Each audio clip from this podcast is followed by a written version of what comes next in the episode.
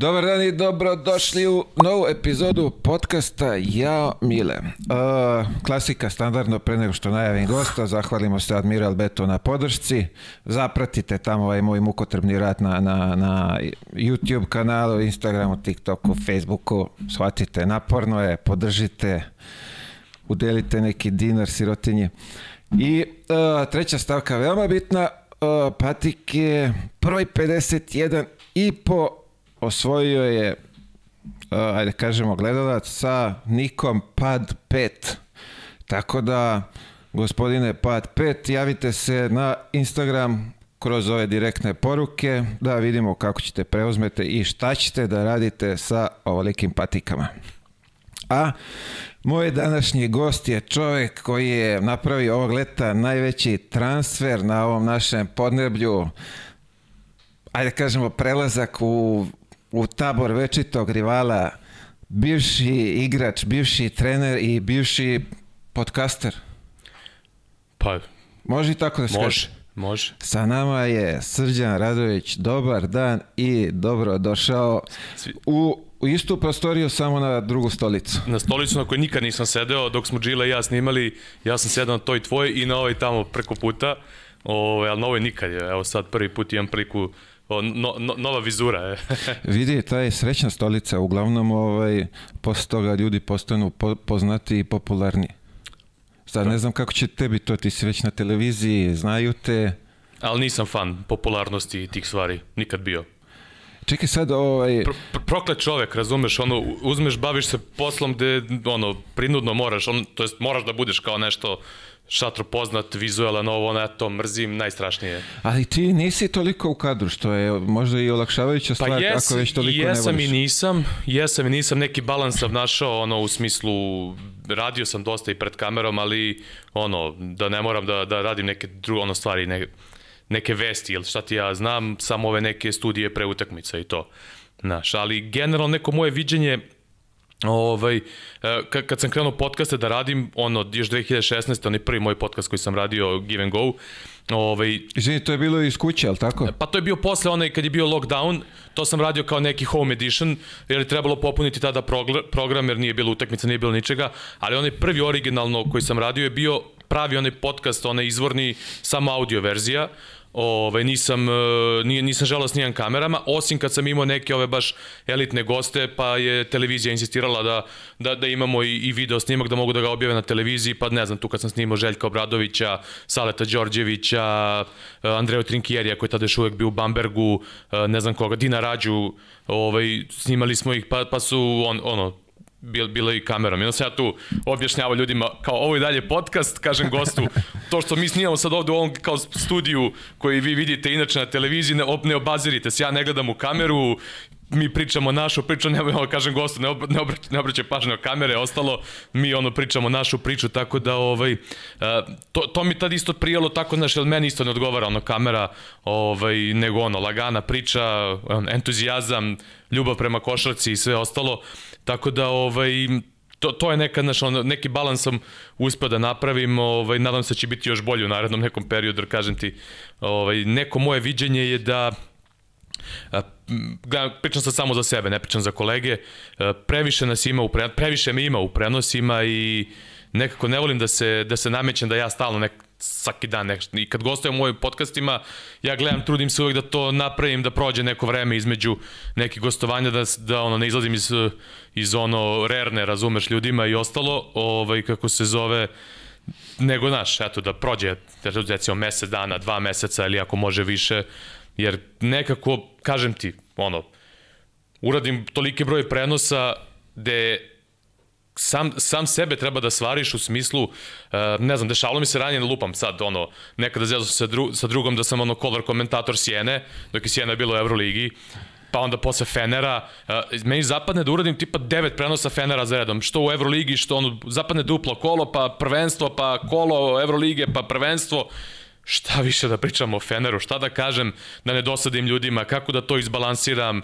da budeš malo interesantan, da, znaš, i, ovaj, i onda to nekako, valjda, znaš, a, a opet sa sve ovim gde ja ne volim kao nešto pretarano da se eksponiram, i kao aj nađi neki balans ovaj. Tako da, ovaj, i onda posle kad smo Džili ja počeli da radimo taj podcast, podcast nekako mi je bilo super da, da kažem da ja navodim priču, a da Džile bude taj čovjek iz struke koji će da, da, da priča ovaj, o košarci. Tako da, eto, to, ta, tako ja bar gledam na stvari. A dobro, lepo ste se snašli. Bilo je to, što bi se reklo, praćeno lepo. Pa jeste, da. Mislim, ovaj, naša neka želja je bila da da popunimo tu neku, da kažemo, rupu između gledalaca i trenera i igrača. Znači da taj neki prostor između ljudima malo, ljudima malo objasnimo, odnosno da, i naši gosti i mi u nekoj našoj priči, džile onim videoanalizama, da, da približimo šta se dešava na terenu. Znači, a to ne budu one posle priče kao evo ga, trenira ceo život, ne može pogodi dva bacanja nego teli smo da čujemo, na primjer, od, od samih igrača šta prolazi kroz glavu igraču kad je neka situacija, znaš, da ljudi shvate da nije, da nije samo ovaj, to ono kao treniraš i to da, da nije samo crno i, i belo, nego da ima i, i sivog između, znaš, da, da to ne zavisi samo od treninga, da zavisi od snage, od, od povrede, ono, da li osjećaš noge, ne osjećaš noge, šta je bilo pre toga, da li si svičavo pa si se gurao sa šekom jedno pet poseda, da, da, da. razumeš, pa posle ti teške ruke ne možeš da pogodiš, mislim, ti to bolje znaš, ja tada kao da tu nešto pričam, tako da, ovaj, eto, to je neka, to je neka naša, naša želja bila ovaj, sa, sa tom pričom iz podcasta. Uh, aj pre nek što krenemo ovaj, ovaj transfer sezone, jedno pitanje, kako se snašao u ulozi oca? Super, super, evo, brat, to mi je, uh, znaš ono, kažu kao, ali nije fraza stvarno, bukvalno ne zanima te ništa drugo više u životu. Ne zanima te ništa, evo, ovaj moj mali, sad već 10 meseci, pravo ti kažem, ovaj, totalna promena je totalna promena. Čekaj, posao, obaveze, kućne, kako, kako se to uklopio? Je bilo nespavanja pa na posao ili... Nije, nije do, dobro se ovaj dobro se i on tu ponašao da tako kažem s jedne strane, a s druge strane ja sam ti utrenirani profesionalac nakon 16 godina noćnog rada Burazeru, znači svaki... Znači može i blizanci, sledeći e, mogu blizanci. svaki sat spavanja je nagrada za mene, tako da razumeš, bolje pitaj moju, moju ženu ovaj, šta, šta će ti kaže po pitanju buđenja i to sve, onda to malo teže podnosi, ali ja sam naviknut na buđenje u 3 ujutru, ovo mi je bar lepše, ne moram da slušam onu odvratnu melodiju što me budi sa telefona, je. znači kad se setim tih noći, ono NBA, Majko Milana, ono, navijem, navijem tri budilnika, pa još iscimam nekog ako je, ako tipa ono, vikend ovi moji što, što su nastavili da izlaze, ja više nisam mogao, jel? I onda kaže, ako je, brate, cimne me samo oko tri da viš da sam se probudio, znaš, znaš, on me zovu iz izlaska, kaje. Tako da ovaj ta, tako smo se snalazili. Tako da kažem ti nije i kao ovaj mali je dobro dobar bio po tom pitanju i i ja sam naviknuo tako da lagano. Uh, sezona je tu ispred nas, to jest evo sad sledeći vikend jel tako mm -hmm. kreće malte ne sve. Ovaj se pripremio sad imao si neku pauzicu letos. Imao sam pauzicu mesec i nešto dana posle toliko godina, kunem ti se, ne, nisam znao kako se ponašam. Znači, stokholmski sindrom, neka verzija klasična, znači ono, samo gledam, znači ono, trzam se, kao čekaj, ono, š, ne radim ništa. Mislim, radio sam do, do recimo tamo negde početka avgusta i to sam radio, što ti kažeš, rudarski, ko ovo, Instagram i čuda što jeste rudarski, potpuno te razumem. Ovaj, ali on odradi gomila onih FIBA u prvenstava, muškarci, žene, u, u, u 16, u 18, AB divizija i to sve i onda na trotku glava ovolika i ovih meseci nešto da nam je tako prijalo da ono bukvalno bilo je lezi lebe da te jedem. Pazi, ovo sad ajde ti kad spominješ te u 16, to šta si već na, na, na, nabroja, kapiram profi ekipe pohvataš brzo ovaj, ko su igrači. Kako s tom decom? Kako se tu snađeš? Pa znaš da kako ne pogrešiš? Uh, uh, dosta ja to pratim inače. Uh, E, to sam uspeo nekako da nastavim ono ja kad sam, kad sam se ono bavio košarkom, e, pa sam pratio neke naredne generacije, e, pa sam ono dok sam radio i kao trener naš i dalje sam bio u tome i onda sam nastavio to nekako da pratim. Ne, prat, ne nisam mogao da stignem da pratim naravno onako bolesnički kao, ali sam uvek u priči i, i gledam. Naravno ne pratim ono žensko u 16, razumeš, ali imam ono drugare, prijatelje koji su na primjer u ženskoj košarci, onda ono pozovem ih, malo se prokonsultujem s njima ovaj, pripremim se i, i ono, imam neku, ali to, taj moj stil prenosa je takav da se više bazira ono što dešava na terenu. I onda samo uh, u toj nekoj konsultaciji s nekim ko je u tome, pitam ono otprilike šta se dešava, ono kažu mi za te neke igračice ili igrač, ono igračice konkretno kažem pošto naj, najčešće kad kad te mlađe kategorije ženske radim tu mi tu mi treba neki ono neka pomoć u, u tom smislu informacija. Ovaj i onda se lako br, brzo se prilagodim, znaš, ono to je neka rutina, ono radim ovaj posao već 20 godina i to je neka rutina čak i futbal kad radim, koji više ne radim, ono, nis, nisam ga radio, uh, sad ljudi, mnogo ljudi se ne seća i ne zna, znaš, ono, ja koliko sam čovek košarke, toliko sam i čovek futbala, ovaj, ako ne i više. Ovaj, međutim, u nekom periodu tamo kada smo počeli mnogo više košarke da prenosimo neke slagaću te 12. 13 ja sam jednostavno otišao skoro skroz na košarku, osim u nekim momentima kada je futbol. I više nisam radio ni one velike utakmice derbije, pa i mene malo to počelo da smara, razumeš, ono, od tolikog posla, pa ne radi mi se sad baš ono Hetafe protiv, ne znam, nija tamo i bara i tako to. Ovaj, a i onda negde moraš svesno da, da pustiš neke stvari iz glave, znaš. I sad on tako dobijem u sred sezone da radim neki futbal, ja ono, kunem ti se u tom trenutku, ne gledam, ono, prestao sam totalno, znaš, da, da, da gledam futbol ja ne znam ko igra u Realu i Barsi, bukvalno, ovaj, ali dođe mi odradim prenos i onda mi ovaj drugar, ne znam, pili smo kafu i on mi kaže, šta ti pričaš kao ne pratiš ovo, kao vidi ovo. Ja rekao, e, brate, pa meni samo po, pogledam, razumeš, imam tu neku rutinu, znam šta treba da pričam, samo mi je potrebno da pogledam tabelu, malo da vidim ono da uđem u štos, to mi 20 minuta da pogledam ko je, ko je na tabeli, list, ono, lista strelaca, šta kako, ono, ispratim rezultate, povežem se, znam većinu ja igrača, znam, znaš, samo ne znam da u tom trenutku on lupam u Barsi, na primjer, znaš, ili u Realu, pa onda, aha, ok, to povežem tamo vamo i udri. I to se ne primeti da, da ja ne pratim, razumeš. Ove, ovaj, tako da, eto, to ti, kako kažu on, male tajne veliki majstor. Vidi, to može pomogne nekom sad od ovih tvojih mlađih kolega. A može, ovaj, da. može. Ali to, to ti je ono, znaš, uh, moj pokojni deda je bio profesor istorije i on mene, ono, s njim sam ono kao klinac učio i on je mene uvek terao, kad nemoj da uči definiciju. Nauči suštinu, kad znaš suštinu, izvući ćeš lako sam definiciju. I to ti je to. Znaš, kad ti znaš teren, kad znaš igru, kad znaš ovo, lako će da se snađeš u svemu. Znaš, da ti ne pričam šta sam ja sve prenosio, ono, sad neke stvari ja pratim bolesnički, tipa ono, ne znam, i koleč košarku i sve to. Sad meni se desilo svoje vremeno, prenosimo NBA draft, ja dobijem mail u dva popodne da uveče u jedan prenosimo draft. Draft, znači, sad evo kažem još jednom, ne znam da javno to pon. To je najteži prenos koji možeš da imaš ako hoćeš da, da budeš vrhunski. Znači sad možeš ti da ono ispadaš indijanac, da ne znaš šta pričaš. Sećaš koje godine bilo? Ma radio sam ih nekoliko. Nekoliko, sad već se ne sećam. Radio sam one kad je bio Dončić, radio sam i one neke prethodne. Ovaj, ali šta je poenta? Ja to pratim, ja ono, kreten uzem iz glave, odradim taj, taj prenos drafta. Razumeš, to je ono, kretenizam kompletan. Ovaj, I posle tog prenosa, ja sam za infuziju, majke mi, prvo što radiš noću, već si umoran od cele sezone NBA pre toga i onda trebaš ovo iz glave da uradiš, to, to ti traje ono, od jedan ti počinje prenos, ali ti dođeš i ranije, ali ti nikad ne znaš kada će oni ti uđu u prenos tamo, šta je analiza, šta je početak drafta i onda krećeš ono, a ne znaš šta te čeka sledeće, znači ne znaš ko će da bude izabran sledeće, znaš ti otprilike, još posebno sad, ovo kad je krenulo na era Watch, Watch Bombs i ostalo, ali ja se trudio da, da ne gledam to, ovaj, nikad da, da čisto da, da ono, budemo malo iznenađeni, da tako kažem, i znaš, ono, ti sad ne znaš šta te čeka, ne znaš da će budu reklame ili će da to postane kad krene druga runda, ne znaš da će budu reklame ili šta. I ti se spremiš na to izleti, pa ono premoren si, pa poveži se, pa pričaj, pa pričaj, znaš. Tako da je to, to je nešto ubedljivo najteže što sam prenosio u smislu tog nek, nek ono, To ti samo ide, ide, ide i to traje 4 nešto sata, 5 sati traje maltene. I ti trebaš da pričaš, trebaš znaš o svim tim igračima nešto da kažeš, znaš. Onda posle kad dođe runda, sva sreća malo ono preskoče, odu na reklame, pa pet pikova preskoče, znaš, ono i tu malo ono, ali tu si već mrtav je. To je već u petu i tu. Pa da, pa da. Tako da, ovaj, znaš, snađeš se, snađeš se u svemu, Nike Hoop Summit sam radio, isto to nešto, nešto, kao nešto što pratiš, pa si u tome. Ne znam, ne mogu setiti šta mi je ono bilo, još nešto e, teško. Imao sam neke futbale, znaš, na početcima, tamo od 2006.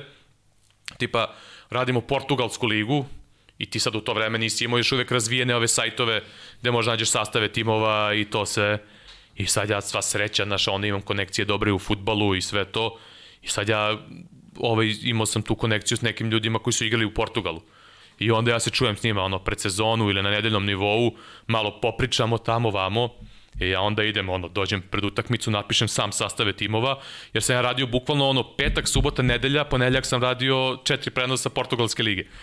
I ja već u trećem kolu sezone znam sve timove, razumeš, ono, sastavim. Ja i onda dođem, čekam tamo da stigne signal sa satelita, uđem u kabinu i onda čekam da, da isprobaju onu grafiku i onda proveravam, znaš, da sam dobro napisao sastav i do, došao sam do tog stadijuma da pogrešim jednog ili dva, znaš, ono, i imam taj update, ono, čujem sa svojima kao i mi kaže, ovaj ti tamo povređen, čitao novine, znaš, i to sve, ovaj, tako da, eto, tako smo se snalazili. Bravo. A reci mi, sad kad spominješ te razne sportove, šta si onako, da kažeš, neki sport prenosio da, da, da se, aj kažem, prvi put si susreo sa njim ili... Pa nisam, nisam imao, nisam imao mno, prilike mnogo da, ovaj, znači ja sam samo radio futbol i košarku, samo, mislim nekome to samo, ali, znaš, ono, Kad... To je samo ako je jedna utakmica nedeljno. Ti... E, pa meni to smiješ, to stalno pričam, ono, kad krenu Amerikanci, bilo, bilo je pre par godina situacija, neko da li ko je radio bejsbol, neko od ovih legendi, pa je nešto kao neku grešku napravio, nemam pojma da su ga napali na Twitteru, onda krenulo da, krenuli da ga brane i kao, ali razumite, kao njemu je to četvrti prenos, ovaj, kao u ne znam koliko dana, a on čak radio čet, čet, četvrtu utakmicu finalne serije, razumeš? I kao, znaš što, ja ono gledam, reku, šta vidi, priča četiri dnevno nekad radio, razumeš? Ja, viš to, kad kažeš bejsbol, dobro, to je, ako je finalna serija, kapiram da nije, uh, ja tamo kad sam bio, oni bre spoje nešto po dva, tri meča za redom, to se nešto oduži, ne znaju po 7 sati sede ne, tamo meč, na, meč, traje, meč traje dugo, to znam, ali ne znam, ne, ne pratim bez, samo, samo ću ti kažem, znaš, smešno mi što mi ovde radimo, bre, ono, radili smo po 3-4 prenosa ovaj, dnevno, ne, ne karikiram, stvarno smo imali, ja i još dvojica, trojica kolega, da me rekord čet, četiri ovaj, dnevno i Znaš, ono, to posle toga ti glava olika. Kako se osjećaš Ma, posle? Ne osjećam se. ne osjećam se, znači, da ti ne pričam je. I ovaj, tako da, Užas. Znaš, ono, to, to, mi je, to mi je ono malo... Če... E sad, ja sam imao ta dva sporta koje sam radio, ali kad sam tek počinjao, imao sam, radio sam neku emisiju koja je više bila snimljena emisija, znači nije bio prenos, ali je bio ovaj Ironman. I sad ja ne znam da li manje znam o plivanju, biciklizmu ili trčanju, razumeš? Tako da je to bilo snalaženje, još prva stvar koju radiš, klinac si, znaš, on nemaš rutinu i ti misliš da trebaš da pokriš sve što se vidi tamo na, na televizoru, onda kao snalazi se, piši, piši, piši, piši, piši. Ove, tako da to mi je to jedino iskustvo sa nečim što, što kažeš nikad u životu nisam pratio, znaš. Ajde, doći ćemo do posle do toga kako je to sve krenulo. A, reci mi ovo, prelazak na arenu, kako se to izdešavalo? Kako je to transfer godine. No ništa, kako? pa, pa isto ko i kod vas, ono, sportista jednostavno, ovaj, mislim, bilo je tu kontakata i, i ranijih, ranijih godina, ovaj, kod mene sad došlo to nekog, da kažem, zasićenja, bila mi je potrebna promena u životu, ono što sam ja što sam ja onaj slušao od sportista, pa mi nekad nije bilo jasno kad sam bio klinac, sad mi je potpuno jasno. Ovaj, znaš, kao kažeš, do, došlo do zasićenja, ono, kao, naš, ono, Francesco Totti, naš, ceo žive, 16 godina, stvarno mi je bila potrebna promena i, ovaj, oni su prepoznali neke stvari kod mene, ovaj, ponudili prave stvari, tako da, evo, došlo do transfera. Pa da vidimo dalje kako će da ide. Što bi se reklo, ta, ovaj, sportski, ili ima uzbuđenja sad tu na, novom, na novoj televiziji? No, ima, no. ima, ovaj, znaš, sve je novo, novo okruženje, novi ljudi, znaš, ono, nov, nov početak, znaš, i, ovaj, i za sad mi to prija prije mi ta promena, znaš, tako da, ali kažem, ono, svi koji su me pitali, ono, i prijatelji, to kako ti, on sad, evo, 3-4 dana sam radio, rekao sam im, čekaj da počne sezona, pa me pitaju za jedno 3-4 meseca, sad je za sad je ono... Pitanje u decembru kako je. Pa da, pa da, kad krene, ali dobro, tu ne bi trebalo da bude tog nekog ritma, ovaj, Tako da, ja mislim da će biti sve kako treba. A, pošto vi imate tamo neki krš liga, ovaj, jeste nešto, znaš šta prenosiš, koje lige... Pa biće, mislim, e, ono, tu je ABA, tu je NBA, tu je Endesa, tu je NCAA. Znači vraćaš se opet u ove noćne, jutarnje termine? Pa vidjet ćemo, to ćemo da vidimo. Biće. Vidi, NBA je, to je uvek, imaš samo ono vikendom, je lako ne, nedeljom beše, kad, da, kad se, da, kad ima onih dnevnih, da. Za, za ovaj, Evropu i ostale mm. zemlje kad se prenose, ali ovaj, ostalo je sve ovde o, više više kolega pokriva pokriva NBA tako da znaš nije taj nije taj taj ritam ovaj ko ko nekada kad smo bili klinci pa ono vežeš po 9 noći pa ne znaš da li si došao ili si pošao Znaš, Recimo, ima tamo neko, kako, kako vi delite te utakmice? To neko podeli za vas ili kažeš ono da, birate da, da, da. vi? Ne, ne, ne, ne, dele, dele urednici, znaš. To, to, to su mene uvek ljudi pitali kao, što, znaš, kao što ti ne radiš kao ovo, što ne... Pa ja kad bi se pitao i kad bi mogo da biram šta ja radim, a misliš da bi ja radio 9 noći za redom je, ili ne znam ni ja šta, znaš, tako da ovaj, ono, urednik određuje uh, na osnovu njihovih parametara, kvaliteta komentatora, važnosti utakmice, važnosti kanala, da tako kažem, gledanosti kanala, I to je to to su neki parametri, znači. Kapiram da se zove uh, beše premijer, premijer, pa da, pre, premijer, ono, de, de ti da. idu ono kao bolji kon, bolji kontent da ide, tu ti idu i eminentni komentatori, da tako kažem. Pravo, znači ti si na ova prvo tri, je tako? Pa recimo, da. Ka, i, imam, znaš, kako će, dobro. Re, recimo. Ovaj, uh, kako se zove, kako ste bre o, kolege dočekale, ti si sad super, drugi ma, tabor. Ma super bre, ja mislim, ja sve te ljude poznajem, ono, i ono, znamo se to gomila njih, ono, ima neke kolege tamo na drugim sportovima s kojima sam odrastao ono, od detinjstva, razumeš, ono, tako da, ono, sve, sve super, nema tu. I ja sam ti, ono, tip koji voli, voli da se druži s ljudima ceo život, ono veliki broj prijatelja, ovaj, drugova iz raznih branši, ono što, mislim, ja dan danas imam ono jedno, ne znam sad da ne pretram, ali mislim bar petoricu bliskih drugova iz prvog osnovne, ono s kojima se družim, znaš. Pa srednja škola, pa košarka, pa ovo, pa ono, znaš, tako da... E, reci mi prenos, šta je za tebe lakše, kad radiš sam ili kad imaš Pa zavisi od, pored. zavisi od situacije. Kako se to zove? Dubl? Kako, kako je to zove tu? Ne znam. Ne, ne, ne, nema naziv. Radimo u paru, eto. Znači, ne, nema neki, neki naziv. Da. O, pa znaš, kako kad, noćni NBA je bolje mnogo kad, kad imaš s nekim da radiš. E, psih, psihički, meni psihički lakše, jer znaš da imaš pravo da, da kako ti kažem, e, dešavalo se, znaš, ono, tako odvezujemo po 8-9 noći, da si u kanalu teško. Znaš, ja sam ono, pričao sam to u nekim ranim gostovanjima, dešavalo mi se recimo u poslednju Kobijevu oproštenu utakmicu protiv Jute, ja sam toliko bio umoran od prethodnih nekih noći koje smo radili, to je bilo pred sam play-off, sam ja tu utakmicu ležeći na podu prenosio. Nisam mogu. I to, I to sam bio ono u fazonu, leći ću, em sam umoran, em ako se srušim, ono, da, da ne puknem glavom o sto, nego da, da budem na podu dole, ono mekano, znaš. Tako da, i onda, znaš, kad ti radiš s nekim, psihički ti je lakše, ono, znaš, znaš da se još neko muči s tobom, pod jedan, a pod dva, lupam, ti nešto moraš, nemaš snage ili ti treba 3-4 minuta da iskuliraš, znaš da neko može te pokri. Tako da sa te strane, ovaj, ok, ovo, sad neki, neki prenosi preko dana, možda ti je lakše i sam, znaš. Ali ja negde sam i verovanja da ta NBA košaka i bolje kad dvojica rade. Znaš, dugačka je utakmica, ima taj neki ono zajebanski vibe, da tako kažem, mnogo je bolje kad si opušten, kad, kad imaš s kim da komuniciraš, nego da ono, prenosiš nešto ozbiljno, ko kad radiš, na primjer, ne znam, Final Four Euroligije. Ili kad radiš duele, ne znam, Partizana i Zvezde, gde ipak nemaš ti mnogo prostora tu da se zezaš i neće baš svi to blagonaklono da... neće uopšte. Da, znaš, tako da nekako je bolje, bolje... Mislim, ja to i razumem, znaš, ono, tu je velika tenzija, posebno kad je derbi, ali nebitno je da li derbi, da li, znaš, svi su u nekoj tenziji i onda i nema tu prostora, ti sad nešto mnogo da se zezaš, znaš, svi će, ako nije 30 razlike, znaš, ovaj, Inače, ono, fazon će bude, šta ti bre pričaš o dogodovštinu, bre, vidi ovde mi čupamo kosu i to, znaš. vidi, mada se ja, ovaj, kako se zove, pošto je, ajde kažemo, nevezano za košarku, košarka je onako dinamičnija, pa tu non stop nešto imaš, ali futbol ovaj naš, ovaj derbi mm -hmm. kad se prenosi, mm -hmm. dok, ni, dok nije arena uzela. Ja sam bio ubeđen da, slagaćete, na kojoj to televiziji bilo, ona dva tipa, jedan je Zvezdaš, jedan Partizanac. Aha, na pr TV prvo je to išla, mislim, da. Nemam pojma. Tako nešto. Ali sam bio ubeđen da derbi treba dati tim likovima da prenose, jer ovako, pa, mislim to, gledaš kao svi smo nešto tu, to ljuti je... smo, a oni o, naš, udare neku zajebanciju. To je bila fora na U radio, je vremeno radio. Ica i Dragomir su prenosili uh, te, te derbije na taj način. Ovaj, tu su dva pogleda, znaš, zavisi, zavisi na koji ti način gledaš.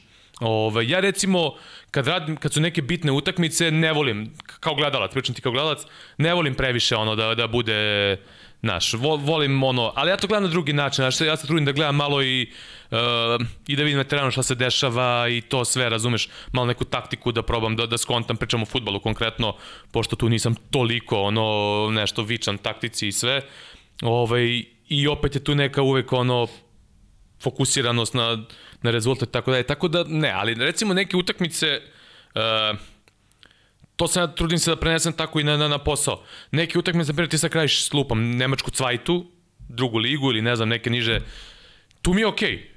Jer tu trebaš i da privučeš publiku, ovaj, jer neće ljudi to tako lako da gledaju, neće tako lako da zagrebu da vide da tu ima isto neko kvaliteta, ali možda ti možda ih privučeš, znaš, da čuju ko je vidio ovo, znaš, ovo ono i onda, pri, i onda vidi ovo drugo, znaš.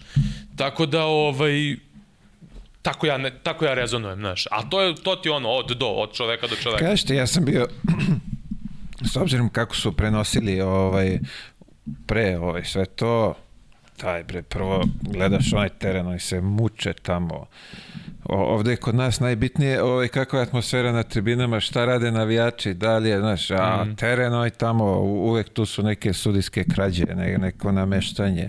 Daj bar ubacite komentatore, malo da ne pre neko zajbanciju od toga. Ja, da, e, ispadao da smo mi sad najbitniji, ovaj, moramo... Pa nije, vidi, mnogo je, no, ne znam kako ti to doživljaš, ja ovaj, koji gledam to, mnogo je bitno i šta ti pričaš. Jeste, pa kako ne? Pa, Znaš, znam, da ne, ti kažem. Ne valja nikad lupaš neke gluposti pa, s nekim informacijama tamo u familije šta rade i... Znaš šta je moj, moj neki, da kažem, stil od početka? Jer mene često kad su me pitali kao, jel imaš nek, nekog idola, uzor, ovo, ono, nisam imao, ali ceo život sam ono pratio, ceo život sam u sportu, pratio radio prenose, TV prenose i znao sam šta mene, šta mi smeta. I on se trudio da tako nekako radim kad sam ja počeo. I ono što mene, uh, ja sam to i u nekim intervjuima ono ranije govorio, meni su igrači i treneri svetinja, razumeš? Na, I to što se dešava na terenu. I moja želja je bila kad sam počeo raditi taj posao, da objasnim upravo što malo pre pričali, ne znam da smo to pričali kad, kad smo počeli pre, Ovaj moja želja je bila da objasnim ljudima da ako je neko nešto promašio, Da probam da objasnim zašto je to promašio, znaš. Ne, ono, mene strašno me nervira uh, oni komentari kao nije mu bilo teško da da gol. Kao, znaš, ono, ovaj centrirao, i sad se ovaj izvio, lo, teren klizav, lopta skakuće, a on, znaš, ono, okrenuo se odavde, evo, istina, porušio sam sve dole, i pap, otvorio stopalo. I kao nije mu bilo teško kao da da gol. Pa kako mu nije teško? Što nismo ti ja onda tu, futbaleri, ako nije teško da se da gol. Razumeš? Moram da, da uzem ove flašice što sam porušio. Ovaj, tako da, znaš, i, i moja neka želja je bila da probam to da ljudima približim da, ne da, da naučim ljude kako da gledaju sport, nego da jednostavno nervirala su me te, te površne površne priče, kao nije mu bilo teško da da gol. Kako mu nije bilo teško? Da? I onda kao neverovatno promašio je ovo, znaš, ono. Vidi, to je, sad da kažem, kroz ovo sad kako sam krenuo svi i onda kad krenu ti komentari, šta ovo, šta ono, zašto ne možeš, ovako. Ne možeš da dovoljiš sve. Ne, ne, to je nemoguće. Pogotovo poslednji par dana šta se ovaj, izdešavalo ja... Ma ne, pa ti si, ti si mlad kolega. Iako, ja sam... iako smo praktično kao kolege, kad smo on u Vitoriji smo sad bili, je li tako? Final Four 2019. Uh, Vitorija, Vitorija, da, i ovde ovaj isto. I, i da, u Beogradu. Da, da, ali da, da. vi ste u Beogradu imali ste neke malo bolje pozicije, ali tako beše? Negde ste bili...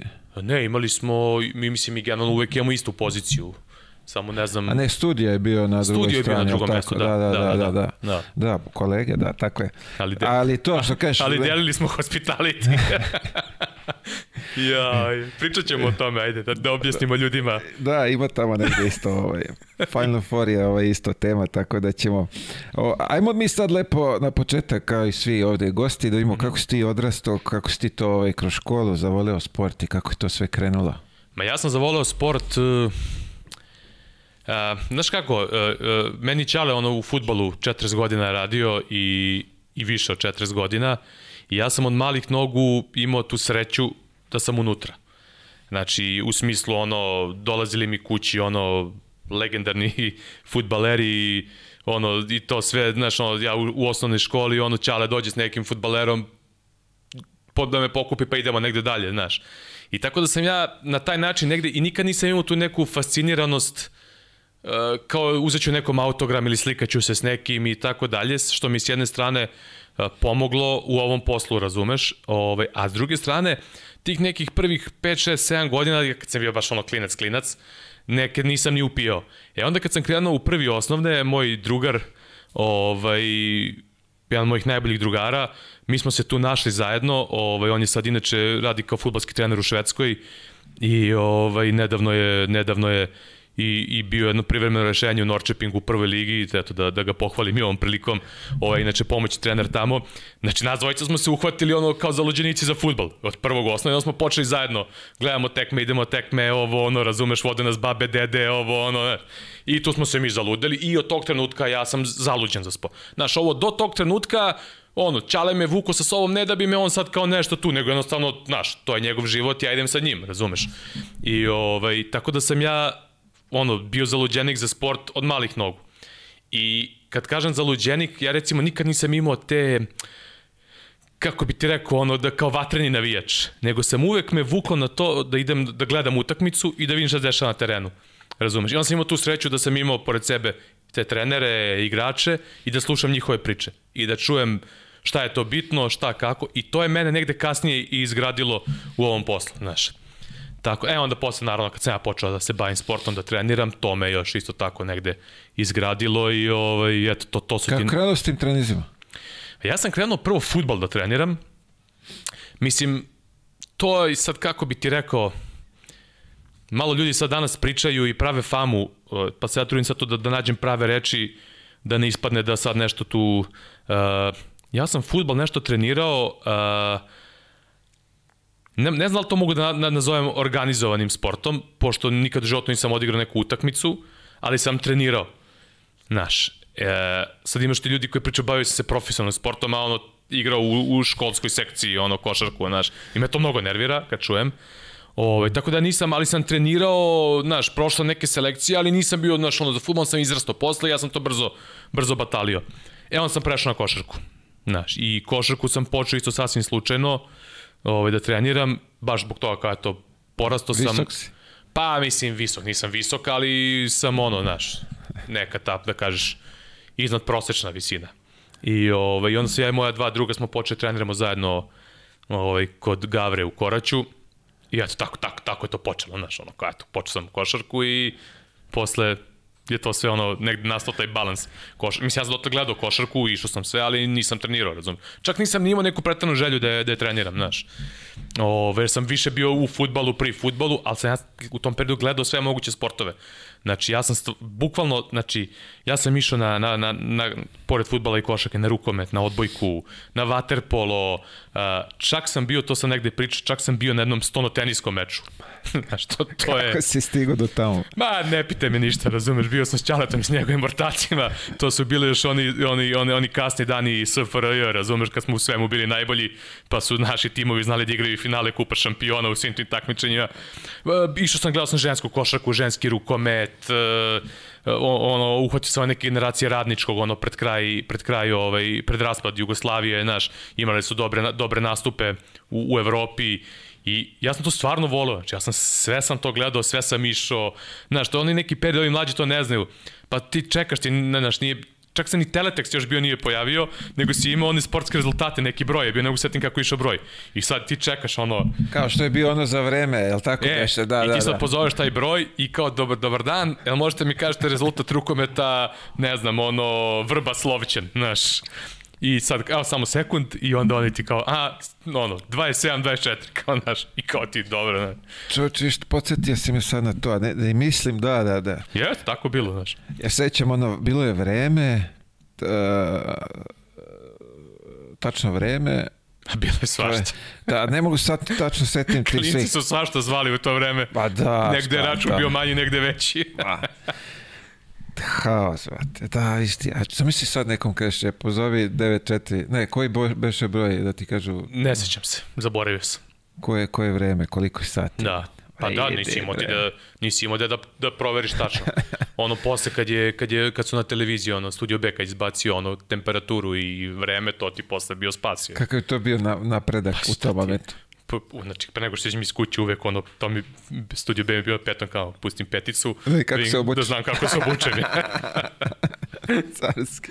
pa, šta, A, a, kad si počeo s košarkom, šta si, si maštao nešto, jesi onako imao ne- neke ovaj, Pa ciljeve, šta, šta Pa ćeš ni, da... nisam ono, ja sam obožavao sport i naravno kao i svaki klinac ono da sam imao neku blagu, da kažem, želju, nadu da bi, ako mogu, kao da budem neki košarkaš. Međutim, bio sam negdje vrlo realan, ono, više sam ja to igru iz ljubavi, znaš, nisam ja ono razmišljao, tek pono malo kasnije, ali onda posle kasnije sam ja bio svestan da, da, da nemam neke prevelike šanse, razumeš u tome, ovaj, tako da, ne znam, možda sam, možda sam i zaboravio uh, kako, kako mi je to bilo kad sam bio klinac, ali sam negdje uvijek bio taj neki lik koji ono koje sa obe noge na zemlji i ne zanosim se i ne zalećem se s nekim očekivanjima, tako da ovaj, mislim da sam i, i u tom nekom periodu ono, imao sam ja tu ljubav ogromnu i da igram i živeo sam za to, ali nisam se nešto pretrano ložio u smislu kao, ako bude super, ako ne bude,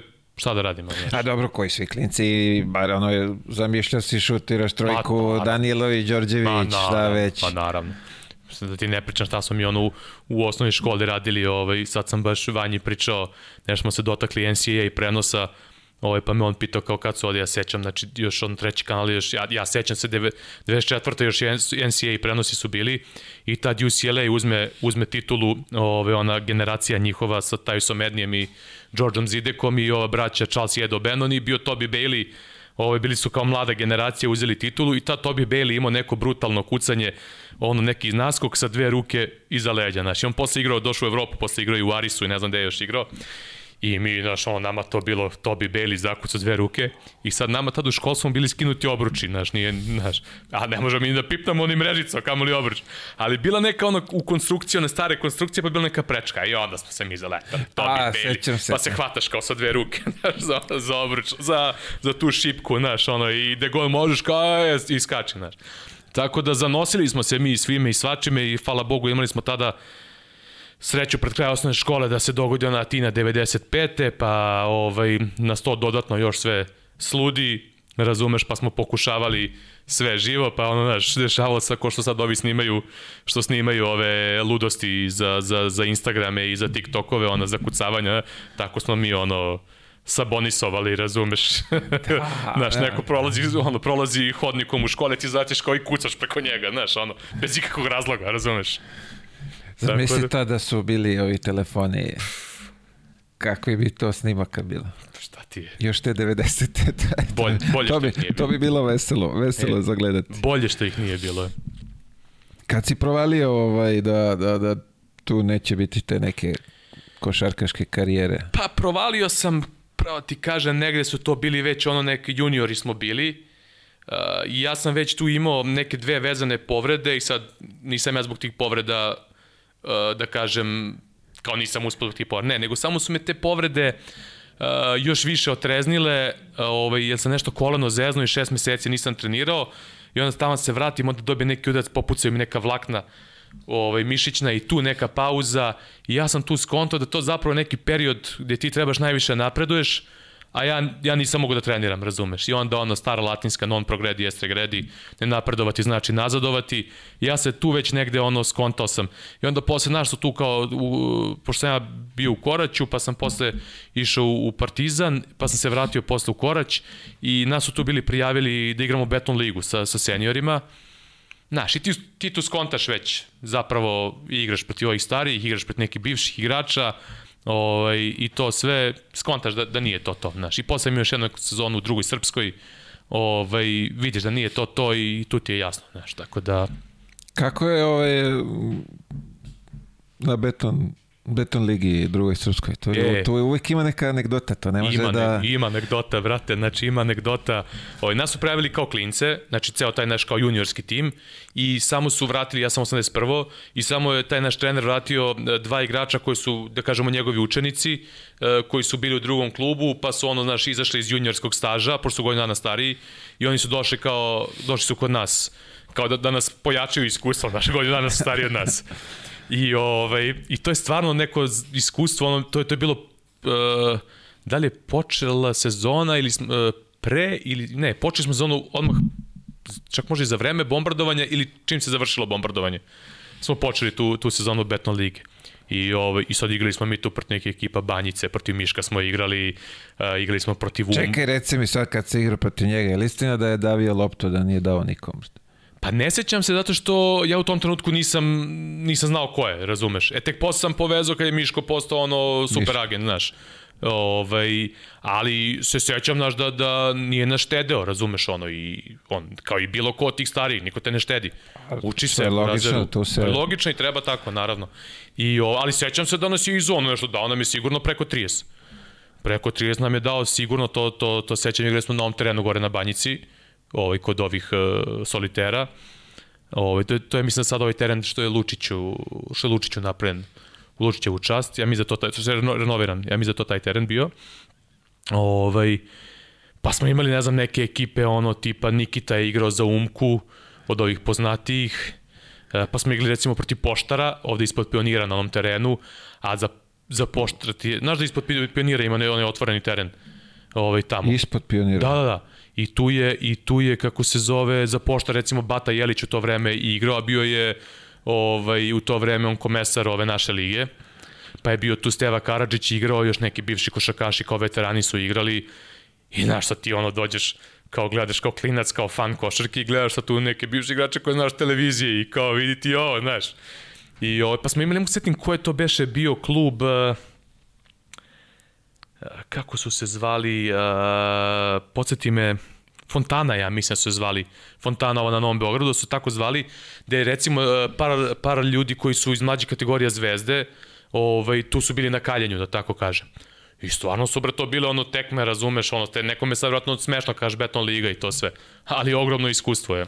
Znaš, naučiš kad te neko ispatosira dole, pa ti to, to je, onako, za sve. Bilo je grubo, ja sam, uh, mislim da su, da su nas nešto slali, igrali smo neku dvojnu, ali druga srpska, nismo biš, da, bili ja sam posle igrao i drugu srpsku, ovaj, mislim igrao, bio više na klupi nego igrao.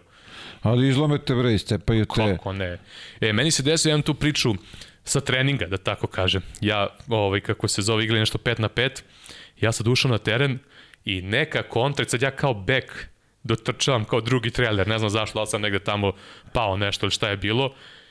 Ja dotrčavam i sad pokupi me tu naš kapiten, ovaj, koji je centar i koji je ono bio doktor. Mislim, ta ekipa, ja sam bio u električaru, ovaj, tu je nekoliko tih, da kažeš, igrača bivših igralo, ovaj, i ta naša ekipa, bilo naš par klinaca koji smo se tu kao skidali, tako kažeš, Ovaj, ta naša ekipa u to vreme igrali smo neke prijateljske utakmice sa OKK i sa Beopetrolom koji su bili prvoligaši.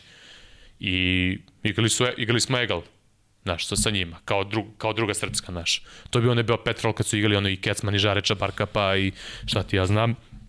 Ovaj, I to su bili ozbiljni igrači, bre, znaš, ono, znaš, ti, ti se naučiš od njih sve.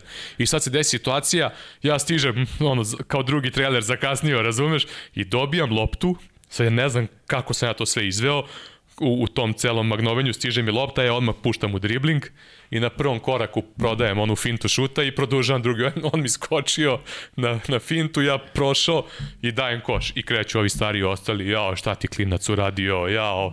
A ja već ono, znam šta me čeka, rekao, jao, piš, piši testament, evo, znaš. I sledeći napad, sine, kad sam završio u, u prozorima. da, da, nema tu vidi. Zamisli tako neko prodaš neku foru starijem. A, Sledeću te izuje na laka. A ja sam morao tu foru da probam da, da ne bi napravio korake, razumeš? Ti nisi u stvari ni hteo to da uradiš. Pa ne, to, to mi je jedina šansa bila, razumeš, pošto em sam niži, em sam spor, brate, razumeš, moram neku fintu da prodam, razumeš, tako da nije mi bila namera nikada nekoga ne... Ali šta ću, je. Snašao sam se u trenutku i, i snosio sam posledice. Viš, zapamtio se, znači da je ovaj, naučio se nešto iz toga dok posle toliko godina je prepričao. pa, naravno, pa naravno je.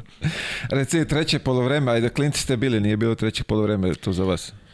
Pa, kako kad, uh, kako kad, ali sam više ja to sa druge strane, ovo sa Ćaletom sam prošao ta treća polovremena, bilo kad, je, kad su oni, oni njegovu društvo, kad su pikali mali futbal, ovo, oni su imali termin pa dođe tu gomila ovih aktivnih futbalera, ovaj, da ne, ne navodim imena, razumeš, ovaj, i onda se ja gledao to, onda, onda je treće polovreme. Tako da se ja kao klinac već naučio šta je treće polovreme uh, i na tim nekim utakmicama kad idem da gledam, treće polovreme sa, sa njima, znaš, ono, uvek kažem, imao sam tu sreću da, da sam unutra i, i odem na treće polovreme. I dosta ti neki stvari, ono, tokom sankcija 90-ih, to sam baš sad skoro pričao ovim Amerikancima kad su bili ovde, ovi sa DNVR-a i, i, i kolega ovi sa Ringera, pa zanimalo ih je malo to, znaš, da nauče ono, o ovim prostorima, o tome zašto ovoliko talenata ima ovde i sve to. I ja sam baš pričao taj fenomen, recimo tokom sankcija 90-ih, ovaj, naši ovi veliki klubovi su, pričamo o futbolu, Partizan i Zvezda su zakazivali tokom nedelje, pošto nije bilo evropskih utakmica, zakazivali su i gostovali su po malim terenima, znaš, igrali su te utakmice sredom, na primer, da imaju neki, da kažeš, ritam i da, da ovaj, taman ono gostuju ti mali. I sad svi ovi stadiončići, znaš, da imaju kafanu uvek, vrhunsku, razumeš i to. I to ti je razumeo, završi se utakmica, prvo si pre utakmice tamo na Sokiću, a onda posle utakmice ćevapi i sve ostalo, razumeš? Mi mali na, na Sokiće i dalje, naravno. Tako da ovaj, naučio sam i to je, to je nešto što mi baš nedostaje, znaš, to, to, taj, taj neki duh tih malih terena. Mislim, ne znam da li to još uvijek postoji, pretpostavljam da postoji, ali nažalost nemam vremena. Nemaš vremena za Eko Biznis ligu i to? Ne, Ne, ne, nemam vremena, ne, vremena više, prestao sam i da igram, ono, znači, ja sam do neke 2006. 7. 8. kad je bilo, igrao sam basket i dalje i igrao sam čak i sa nekim, ono, ljudima koji su i u to vreme bili aktivni igrači, imali smo neke termine, igrali smo 5 na 5, ali jednostavno kad ti počneš, ono, taj neki period rekao, ono, po tri prenosa dnevno, igraš, radiš uveče, petak, subota, nedelja, imaš, ne možeš ti da stigneš više da ispratiš, oni igraju svi ili vikendom ili uveče kad si na poslu i posle nabaciš kilograme, tu su neke stare povrede i ono jednostavno kaže posle, aj dođi kao samo igraćeš odbranom. E, kao igra, on ne može da igraš odbranom. Baš ću ja da podnesem da, da me neko probija i da, da ne mogu ništa da uradim, nema šanse. Mene zovu sad isto na basket. Rekao, vidi, kad završite, zovite na treći polovreme za, za basket, više nisam. A ja sam ti pritom od onih tipova, znaš, što ne voli, ne volim da izgubi ono ni od devojke kad igramo, kad smo igrali karte na moru, razumeš? Pa sa ženom sam se posvađao, igrali smo Remi bez ti lud, nismo pričali ne znam koliko. Pa isto. Ona u čudu ne može da veruje, znaš. Pa isto, ja sam imao sa, sa mojom ovaj, devojkom tada, ovaj, mi, ono, ono naš kao ne zanima je sport i to sve i sad sjećam se šta smo beše igrali, igrali smo neke karte, ja mislim, i meni upalje neki Eurocup, je bila neka utakmica Asvel s nekim igrao, sećam se, ono, pazi, mene ne zanima utakmica, ali sto, stoji upaljeno na televiziji, mi igramo. I ona kao nešto, zada mi neki potez, razumeš, kao nešto me iskašira, razumeš, i ovaj, i zatvori me i kao neku facu složi kao i okreće se i kao gleda ona kao nju sad zanima šatro Asvel s nekim tamo vefrigom, razumeš? I kao šta ovaj kao radi ovde? Ja rekao, šta bre, šta radi? Čuti bre, ne me provociraš bre, šta, dobila si valjda, šta kao sad te kao, zanima te vefriga Asvel, je ono, znaš, je. Tako da, mislim, svakako treba dođem da igram 5 na 5 basket i da me zaobilaze tamo ko stolicu. Je. Vidi, prošto bi me zaobilazili, prošto ne mogu, ne mogu podim tablu, čuče, da. bio sad, prošle godine bio sajam sporta na Adi, znaš. I ja tamo nešto se pojavio i prijatelj, ja zovem, e, kao, ajde nešto, da li je dobrotvorno, nemam pojma da šutiraš i sad ima lupom 6-7 pozicija. Ja naravno šta će nego kao i svaki ovaj Srbin loptu i na trojku. Dva put sam pogodio tablu. Ovo ostalo sve dole u... Jesi dobio upalo mišića? Ba beže, mi sreća nije bilo mnogo ljudi da, da vide. Šutnem četiri lopte i odmah stisne ovde pozadi triceps, ono, razumeš? Šuterska. Odmah ide ono, ah, kao naš, istezanje. Šuterska ruka. Da. A, posle basketa, kad si to prekinuo, si znao šta ćeš posle? Kak, ne. Kakvi su planovi bili? Ne, nisam, nisam imao blage veze. Znači, to se sve nekako posle slučajno odvijelo ovaj, da sam počeo da radim kao trener. Pomoći Ti si završio, zali, e, nisam, položio si što bi se rekao, ne? Nisam, nije to tad, e, ne mogu setim kako tad to išlo, znači za mlađe kategorije, ja sam... Uh, Znaš kako to išlo? Uh, kad je počelo to bombardovanje, ja sam uh, bio tamo u, kod babe i dede u Jerkoviću sve vreme i ovaj, i moj brat u tetke koji je mlađi je trenirao tamo u svom klubu, praktično njima škola tu pored zgrade.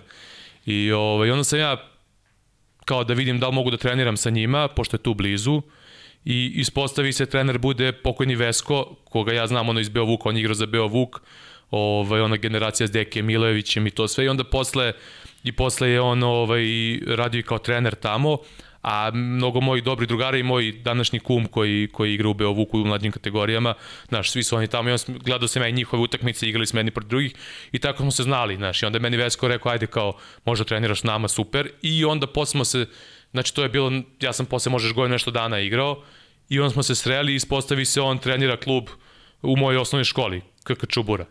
I kao šta, prestao si, aj dođi ovamo, kao ko će s nama, kao da budeš moj pomoćni, ovo, ono, tamo, ovamo i tako ti ja počnem to, znaš. I posle sam nešto kao neke klince, neke klince sam ovaj, uh, vodio, ovaj koji su baš bili tad nešto, ono, pioniri, ne znam ja šta. U Čuburi isto. Da, da. I, ovaj, a ta naša generacija 8-5 je izborila tada Final, final, final Late uh, Srbije, da, Final Late Srbije, u Čačku se igrao taj Final Late. I to sam baš skoro pričao, ovaj, to je bilo nekako, ne mu setim kako je išao... Uh, Ti si ih vodio, jel tako? Ne, ja sam bio pomoćni. A, pomoćni, Pomoćni, aha. da, Vesko je vodio. I, ovaj, i um, to je bila Super Liga, iz koje se posle, uh, valjda su prva tri iz te Super Lige išla uh, na Final Eight, kada je Beograd u pitanju, pa su ovo dolazili iz ostalih regiona, ovih ostalih osam. I sad recimo, mi smo tu bili, koji si ti beše godište? Ti si Četiri. Sa 8-4. 8-4, a ti si stariji, da, ovo je 8-5. Uh, tad, smo, uh, tad smo mi, znači, uh, Beo Petrol je bio prvi, uh, oni su prošli, prošao Beo Vuk kao drugi i mi kao treći. A iza nas ostali FNP i Partizan. Znaš, i to je Partizan imao tu generaciju, ono bio i Samrđiski, ne mogu setim ko je još bio u toj generaciji. Mislim, Novica nije još došao u Partizan tada, ne mogu To bi setim. trebao bude šljiva, ja mislim, mali, jel Jeste, tako? mislim da jeste bio. 8-5. Ko je E. još Raković? Oni su 8-5. Ne, Rako, Raković 8-5 ili 8-4? Mislim da je 8-5 to. ne mogu sad ni ja da se setim. Ali ovaj, generalno, kažem ti, mi, mi tu nekako prođemo kao totalni outsideri, ono, znaš. I, ovaj, I odemo na taj Final Eight, gde, gde tebi tamo, znači taj, taj Beo Petrol, to ti je ono uh, Vlada Micov, Kosta Perović, uh, Ratkovica, znaš, baš jedna generacija, ono, ubijali su, razumeš, i oni tu osvoje lagano. Pa bio tad, uh, uh, mislim da su, da su Tripko i Tadija bili u borcu, uh, bio Erceg sa, sa Bečejom Pečem. i da li još neko Čekaj, beše? Tripko je, bre- za, ko je, Tripko je Tripko 8-6. 8-6. Da, da, da, Da. tad je. Da, da, da, da. Oni da. su bili tu... Oni imaju pravo, da. Da, oni su bili tu, ono, super talent je, tako kažem. Uh, I, i ovaj, znaš, ono, bio turnir poli glava, znaš, tako da, Čekaj, je sve taj turnir? Beo Petrol. To je bila Srbija, onda su posle otišli na Jugoslaviju, a mi su oni Jugoslaviju posle uzeli. To je još uvijek bila Jugoslavija, jeste, da, to je bila 2001. ili druga. Ne, ta, ta, tad je kad je bio ovde, on je nešto pričao o, o tom turniru, sam ne znam da li je... Da li je pričao o Srbiji ili o Jugoslaviji, ne znam, da. Da, da, da. Vlada je pričao, jel? Vlada Micov, jel? Ili ne, ne, Tadija? tad je, A tad je, Tadija, aha. Da. Nešto znam da je spominjao da je odatle su oni posle otišli za, za uh, Tripko za Partizan, Tako je. a on, za Zvezdu. Da. Tako je, tako je. Verovatno je to, to odatle. Mm. Jesi imao neku samostalnu utakmicu? Uh, jesam sa ovim klincima mlađim, oni su bili Uh, to pionirija mi su bili, to je bilo neka mešana generacija tipa 8, 8, 8, 9, 90, ali, ali to je znači bila, da kažem, ja mislim 2001 ili druga.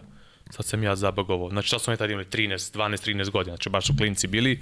Imao sam par samostalnih, imao sam, ovaj, imao sam čak i pobedu protiv FNP-a u Železniku. Opa, Znaš, tako da... to je vredno ovo da, da, Pa da. pomene to. Da, Malo da, da, da. se... A ti ne mu da li si ti tad bio, sećam se, ja, mi završavamo utakmicu nešto igrali ono u 9 ujutro tamo i sećam se ono, uh, prolazim tamo, a uh, koji si ti godine bio? Uh, ti si malo kasnije počeo. Da, druga na treću sam. druga na treću. Da. Da. Ne da li je ovo bila druga ili... Jesi ti zahvatio... Nisam igrao sigurno to, ali možda smo se videli... O, ovo je bio, ne, ne, ne da nisi igrao, nego uh, prvi tim je došli na tribine, imali su neki sastanak, ja mislim da su igrali neku utakmicu posle, da li bio možda čak i play-off. I sećam se ja, prolazimo, a ono, set tamo Stragi, Sale Bratić, ne znam e, koji, nisam, nisi nisam, imao ja sam tog- posle da. došao, da, da, da. I kao, kao, znaš, sezaju nešto da bacuju, znaš, bilo mi smešno. A ja klinac, mislim, ja sam bio realno tad klinac, sad sam imao 21, 22 godine, razumeš. Tako da, eto, to, to, to mi je neki, ono, neka ta uspomena, ali to mi je bukvalno prošli život. Počeo sam polako da zaboravljam dosta toga, znaš, baš kao prošli život je.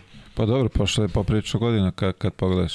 Pa nije meni to problem što je prošlo mnogo godina, nego bre ovaj posao je, znaš, ono, mnogo utakmica i neke stvari sam počeo. Inače, bolje sad pamtim šta je bilo 90, kad pričamo o sportu, bolje pamtim 96. 7. 5. 9. nego što pamtim šta je bilo pre mesec dana. Jasno. Znaš. Ko, koliko je trajala ta tvoja, aj kažemo, trenerska karijera? Kratko, dve godine.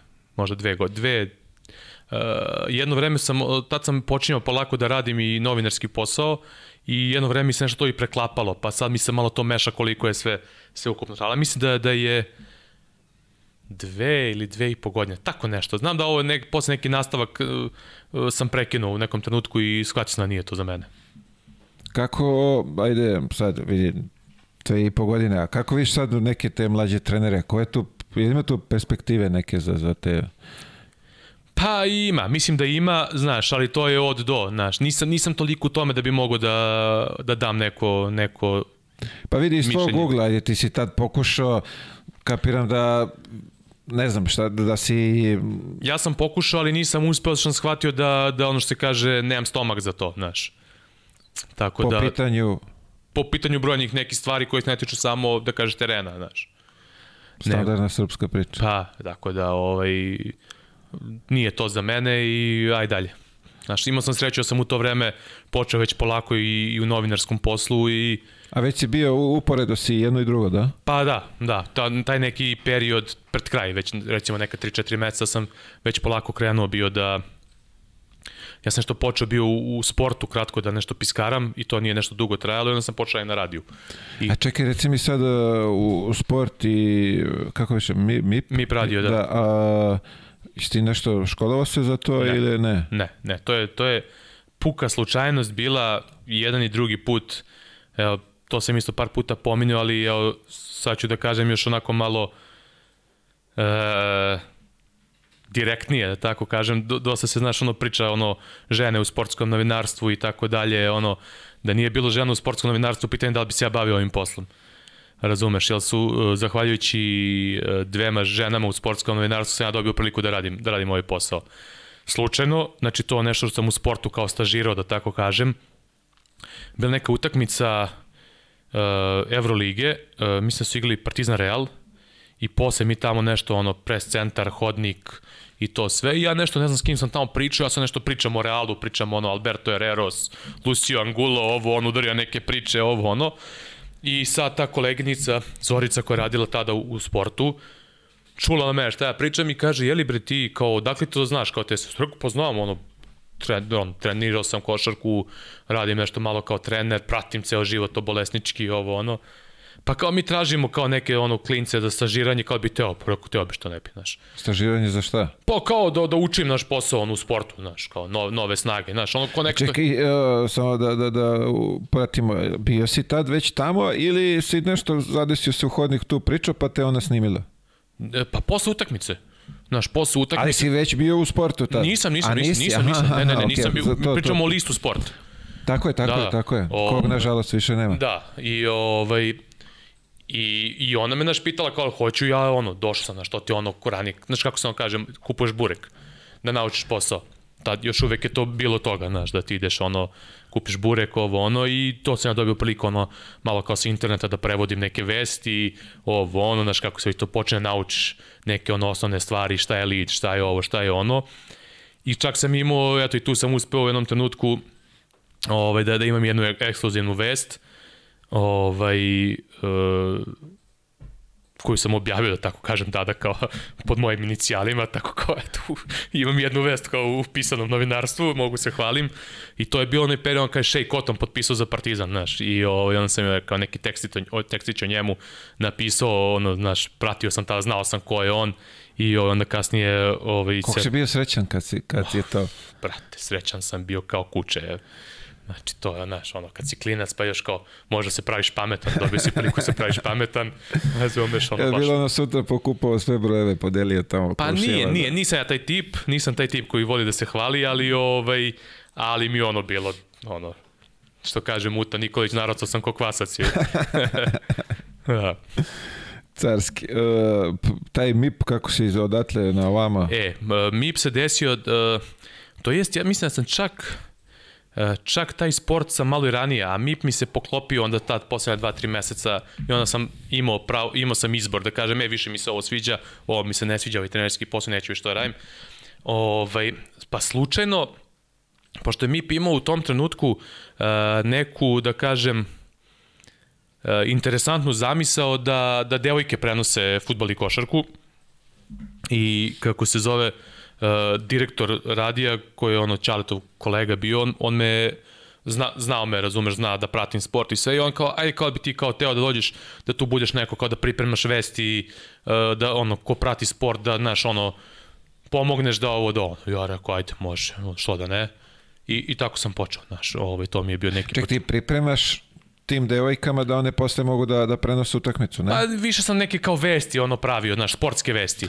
Okay. Tako sam počeo. A onda je slučajno, što se prenosi tiče, to je baš slučajno počelo, moja koleginica Vanja, ovaj, koja je prenosila te utakmice ovaj, Partizana futbalske, ovaj, ona, eh, ona, kako se zove, eh, je nešto šta je to beše bilo da nije ona mogla da dobije neku vizu ja sam imao već neku onu vizu znaš da bilo ni Schengen je dobiš da, na šest da. meseci a i kao aj ti da se, da se uključuješ kao sa utakmice i ja on kao ajde baš ono kao jel a gde je bilo gde je bilo putovanje uh, Prag Prag ono bilo on Slavija Partizan fudbal ono ovaj kup UEFA šta je to beše bilo ja rekao aj nije problem razumeš ja sam uključivao telefonom davo izveštaje, znaš, nije bio prenos 90 minuta, ali telefonom. I ona je bila super zadovoljna kako sam ja to odradio i ona se izborila kod urednika da nas dvoje prenosimo utakmice, znaš.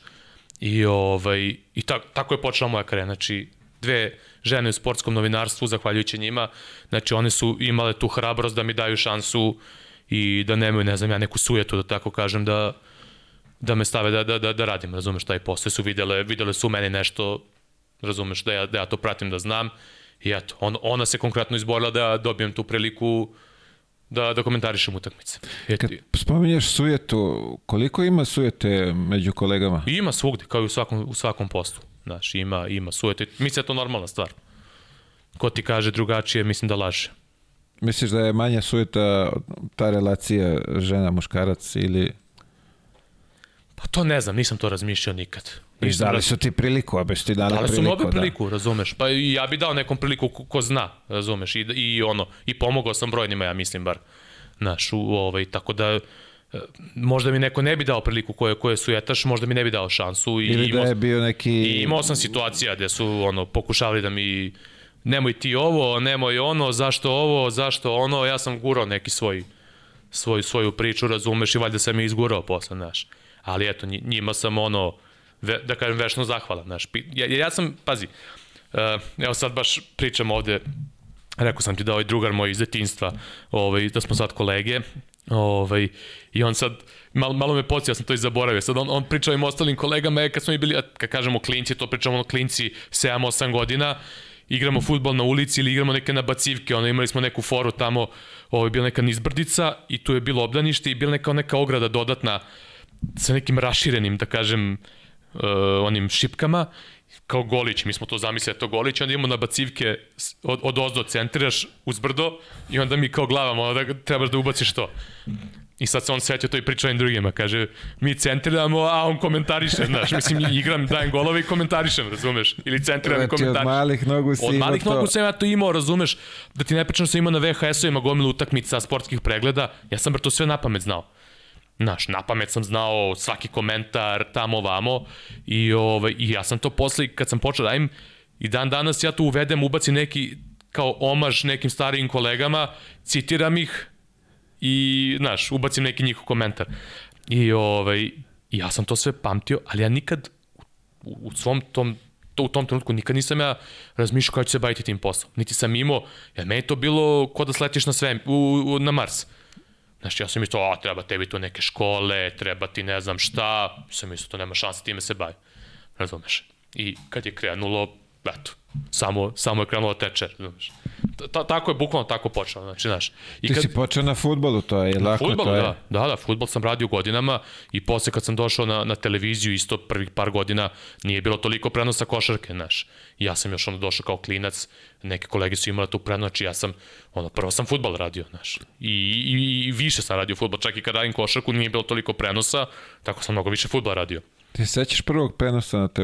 Sećam se, da. Uh, radio sam, ako ćeš prvi konkretno prenos futbala, bio je zapravo snimak. Mi smo tad imali Chelsea TV i prvi snimak mi je bio ono Chelsea Barcelona, ono kad su igrali Ligu šampiona, onaj Ronaldinho čuveni gol iz mesta, iz kolena kad je dao. Da, sećam To sam radio kao snimak. A prvi prenos, live kako prenos... snimak, izvini, kako snimak? Pa zato što mi imali smo Chelsea TV i Chelsea, imali smo pravo da puštamo znači, program Chelsea TV-a i onda ja samo uzem i komentarišem snimak te utakmice i puštamo snimak te utakmice. Nismo mogli live da ga radimo, znači. Nismo A, imali jasno, pravo jasno, na... ok, ok, ok, sad E, kapiram. I da. znači ja praktično sam komentarisao snimljenu utakmicu i, i mi to pustimo. E, a ove, onda posle prvi prenos, live prenos koji sam radio, mi je bio Nantoxer, francuska liga. Ja, to, to, to pamtim. I kako se spremio za to? Kako, kako je to izgledalo? Mislim, prvi Joj. put ideš live. Sad. Ja, vidio, znači- sad, ja sam sad susreo ovo na RTS-u kad je bilo evropsko. Aha. Pa kao live. Ajde ovde kod mene, ovako možemo izlupetamo gluposti. Pa nema i tako je. i to, da. Ovaj, mada moramo da pohvalimo Vanja, ništa za sad nismo sekli. Tako da, kako dobro, snimimo, tako i puštamo. Ali, ovaj, nego što je live, znaš, i oni su s onim bubicama, ovaj od ozgore zove, pričamo o tome, pa onda posle tri sekunde, ne priča o tome, pričamo o ovom. Ja zbunjen ovako Da, da, da. sedim, ništa ja- mi nije jasno. Jeste. I opet, to su milioni ljudi, bre, kad gledaju, znači, ne možeš sad ovde lupetamo gluposti, možeš kaži šta hoćemo, briga nas. E, veliki problem, znaš, i znam sa, sa većinom ono, bivših igrača i trenera kad, kad dođu ono tipa u studio ili nešto kad dajemo, pa kad čuju, kad im pričaju u slušalicama, znaš, iz režije, znaš, onda se oni zbune ili neko dođe pa ti maše tamo krajiš iz pionira pa ti maše pa ko će ti se javi, znaš, zbunite. E sad ja sam to negde navikao, osim kad mi neko dođe, ono, prođe ispred kamere, pa ja moram da odreagujem, kažem, stani, stani, nemoj prolaziš, znaš. Ali sam navikao, ono, ono, poker face, ono, znaš, samo kao, neko prođe kao namignete, a ja, ono, znaš, kao, trze okom, kao, neko tamo ide, ono, u parteru, razumeš, i kao, a mi okrenuti ka tribinama. Ovaj, ali, e, šta, šta smo beše pričali pre, za, za to šta pričaš, kao, U e, live, za live, da, kako sam da, se pripremao. da. A, bila mi je frka, E, sam ja imao u početku tu frku da se prešaltam sa radio prenosa na televizijske prenose, jer sam ja tih prvih godinu dana radio uporedo i na radio na televiziji, ovaj, i sad ti na radiju moraš da objašnjavaš sve, jer tebi ljudi ne, ne vide teren. I sad ti moraš da objašnjavaš i koja je boja dresova i ko napada na koju stranu i šta se dešava ovde i šta je ove ovamo uradio. Ti na televiziji pola tih stvari ne moraš da pričaš, ljudi to vide. Je, ali izvini, što te prekidam. Mogu ti reći, e, radio kad slušaš prenos, bre, to je mnogo dobro, bre. Ja da- obožavam.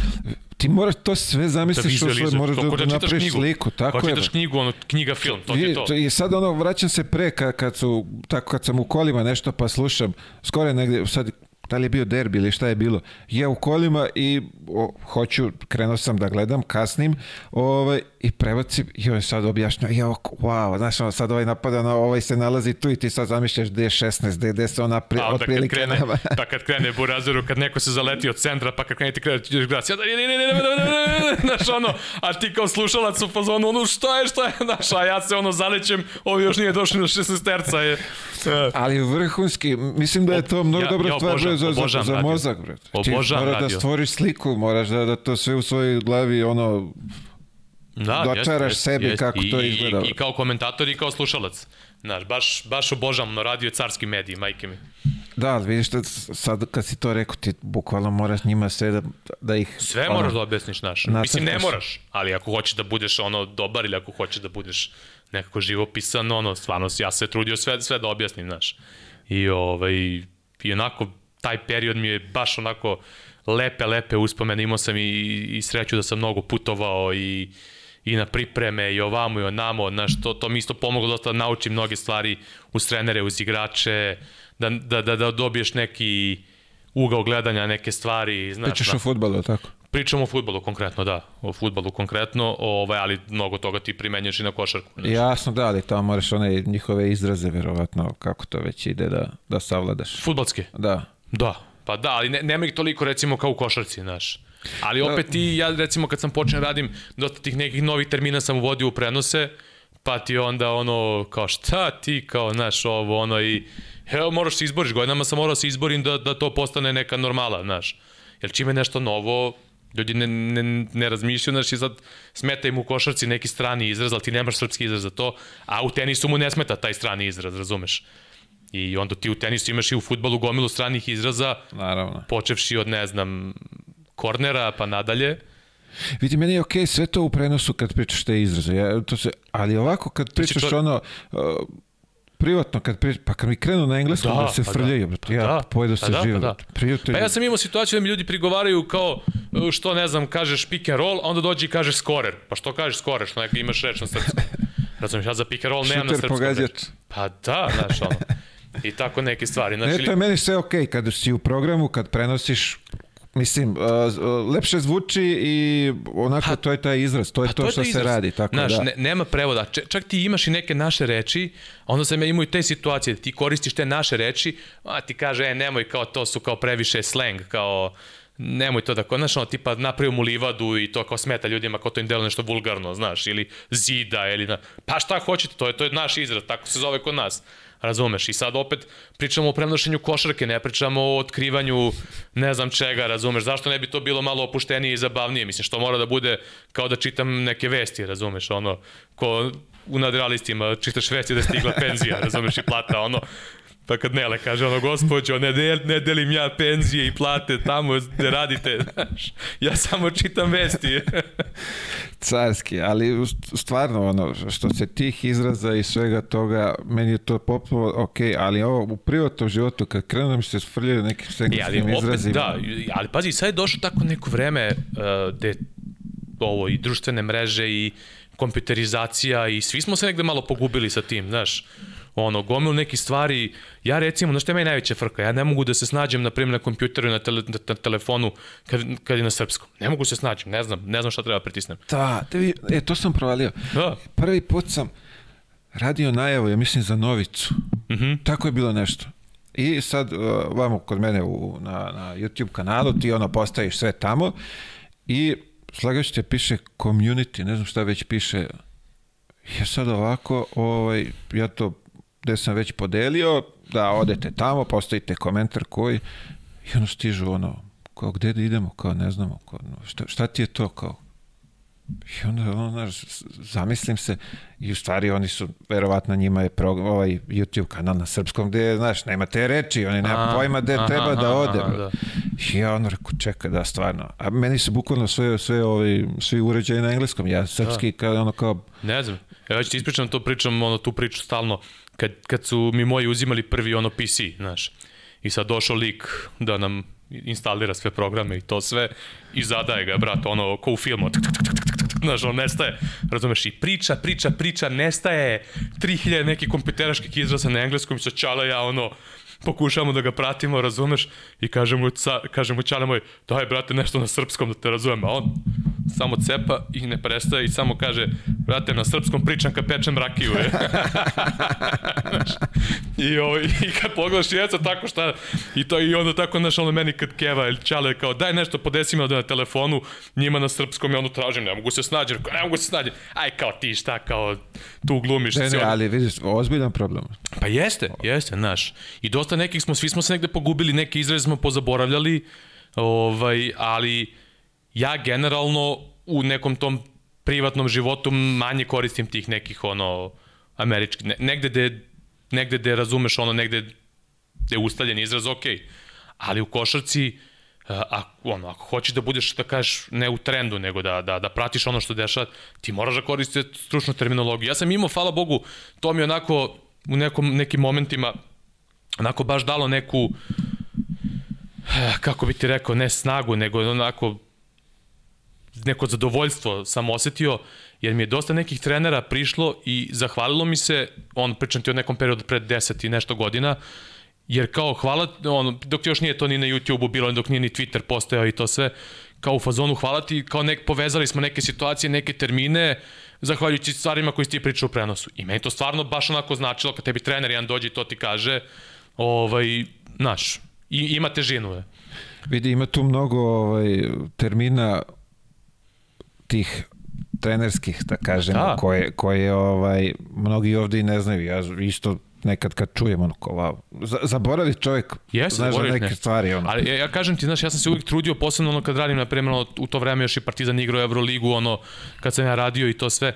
I kad radim to gde te gleda neka, da kažeš, šira publika koja ne gleda svakodnevno sport, nego eto, gleda svoj klub, na primjer, I, a ja ovam prenosim već i NBA i sve živo, pominjem to milion puta, gde ne mora ni više ni da objašnjam toliko, ali kad radim ovo, ja se trudim maksimalno da objasnim ponovo šta je to, zašto, znaš, da ne, nema izraz na srpskom za to i moraš da, da objasniš, znaš.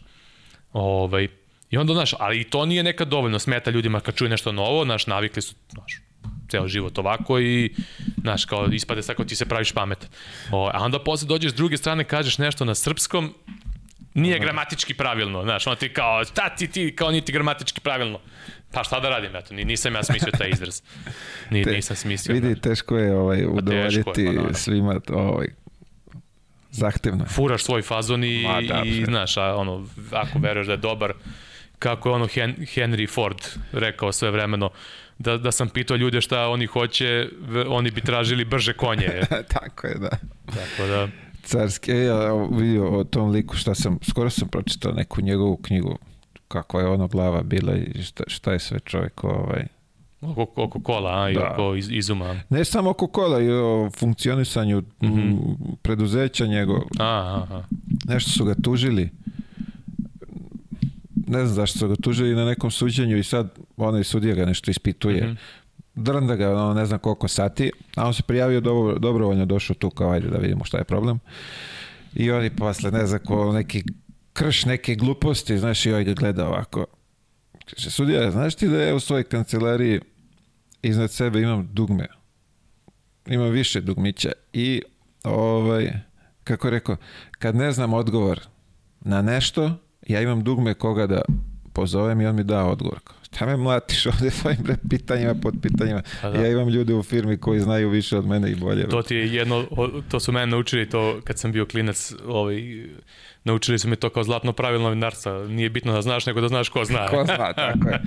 Ali viš, on je, pazi, kad je on to bre osnovao Ford Ma i sve, da, bre, znači koliko je bio napredan lik da je, bitno da. je da pametniji od sebe, da, da su oko tebe, da Pa možda naravno, funkcionišeš. bre. To, pa to ti je, to ti je, uh, to, to je sad bila ova situacija kad je krenula pandemija, znaš. Uh, ti negde inteligenciju pokazuješ time kad si svestan šta ti ne znaš. I da proceniš ko zna da trebaš njega da pitaš.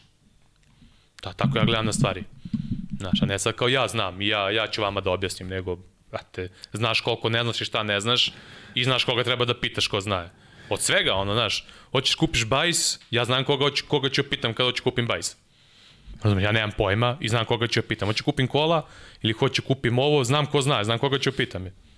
Tako. Jasno. A neću sad ja se pravim pametan kao, sad ću ja, ovo mi deluje, znaš. Ako hoćeš nešto ozbiljno, mislim, kupuješ, ali...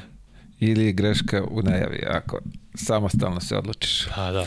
Reci mi, e, koliko si ti morao u početku na TV-u, kad si, kad si krenuo te prenose i sve, da- da se menjaš iz utakmice u utakmicu? Pa dosta, dosta, to baš onako, znaš, ja kad čujem neke sad svoje stare prenose, ono, prvo čuješ glas, čuješ ono intonaciju, znaš, smešno ti ono, blam te.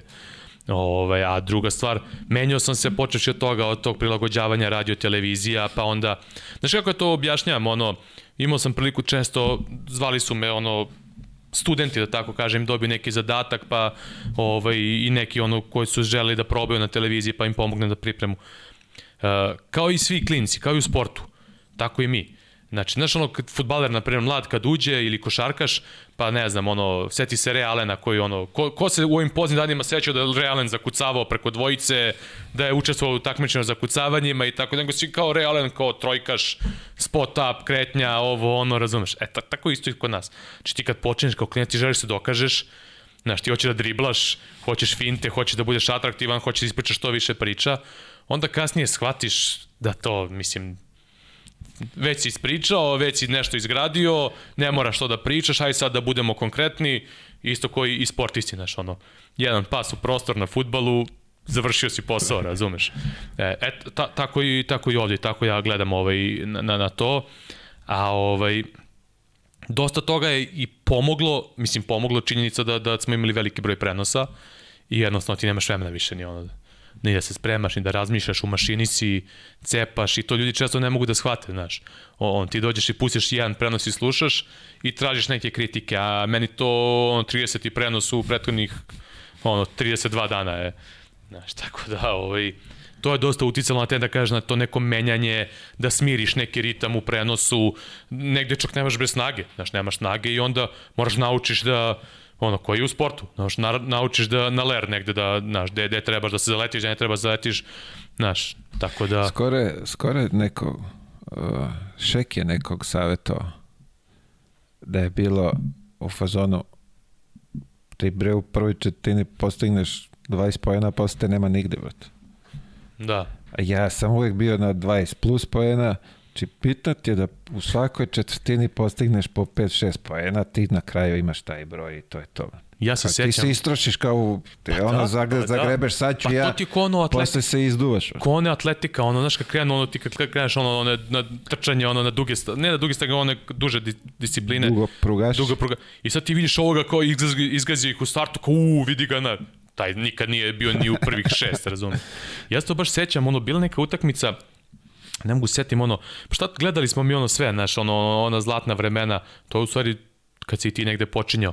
Znači, ja, ja i neki moji drugari, znači sve utakmice koje su bile u Beogradu, mi ono gledamo, znaš, ideš, gledaš ono Partizan Zvezdu, Beopetrol, FMP, Beobanka dok je bila, uh, Radnički u Šumicama kad je igrao, znači, ja, sve smo išli da gledamo. I ovaj, Ja sećam, sećam se baš situacije Deki Milović kad došao u Partizan i oni krenu ono brutalno na početku sezona daje 32, 31, 32 i tu nešto pored bio Mića Berić ovaj, koji je čekao angažman, ne znam da je prelazio tada u tom trenutku, mislim da je u Veronu, prelazi u Meš Veronu I sećam se posle, Mića prilazi kao deke, kao polako bre, da, ono, daješ po 30 nešto i onda kad budeš dao 26, svi će kažu loše si igrao, je. znaš ono, e, to, to je to je, to mi je ostalo, to, to sam treba zapamtio. držati kontinuitet, ali trebaš i da znaš kako to da... E, pa, a to, to si sad rekao, to je suština u svakom poslu. Lako je ti da se pojaviš negdje da izdominiraš jednu, dve utakmice u bilo čemu, ali aj ti u kontinuitetu to radi. I to ti je, to ti je pokazatelj kvaliteta u, u, u svakoj branši. Znači da ti nešto radiš kvalitetno u kontinuitetu.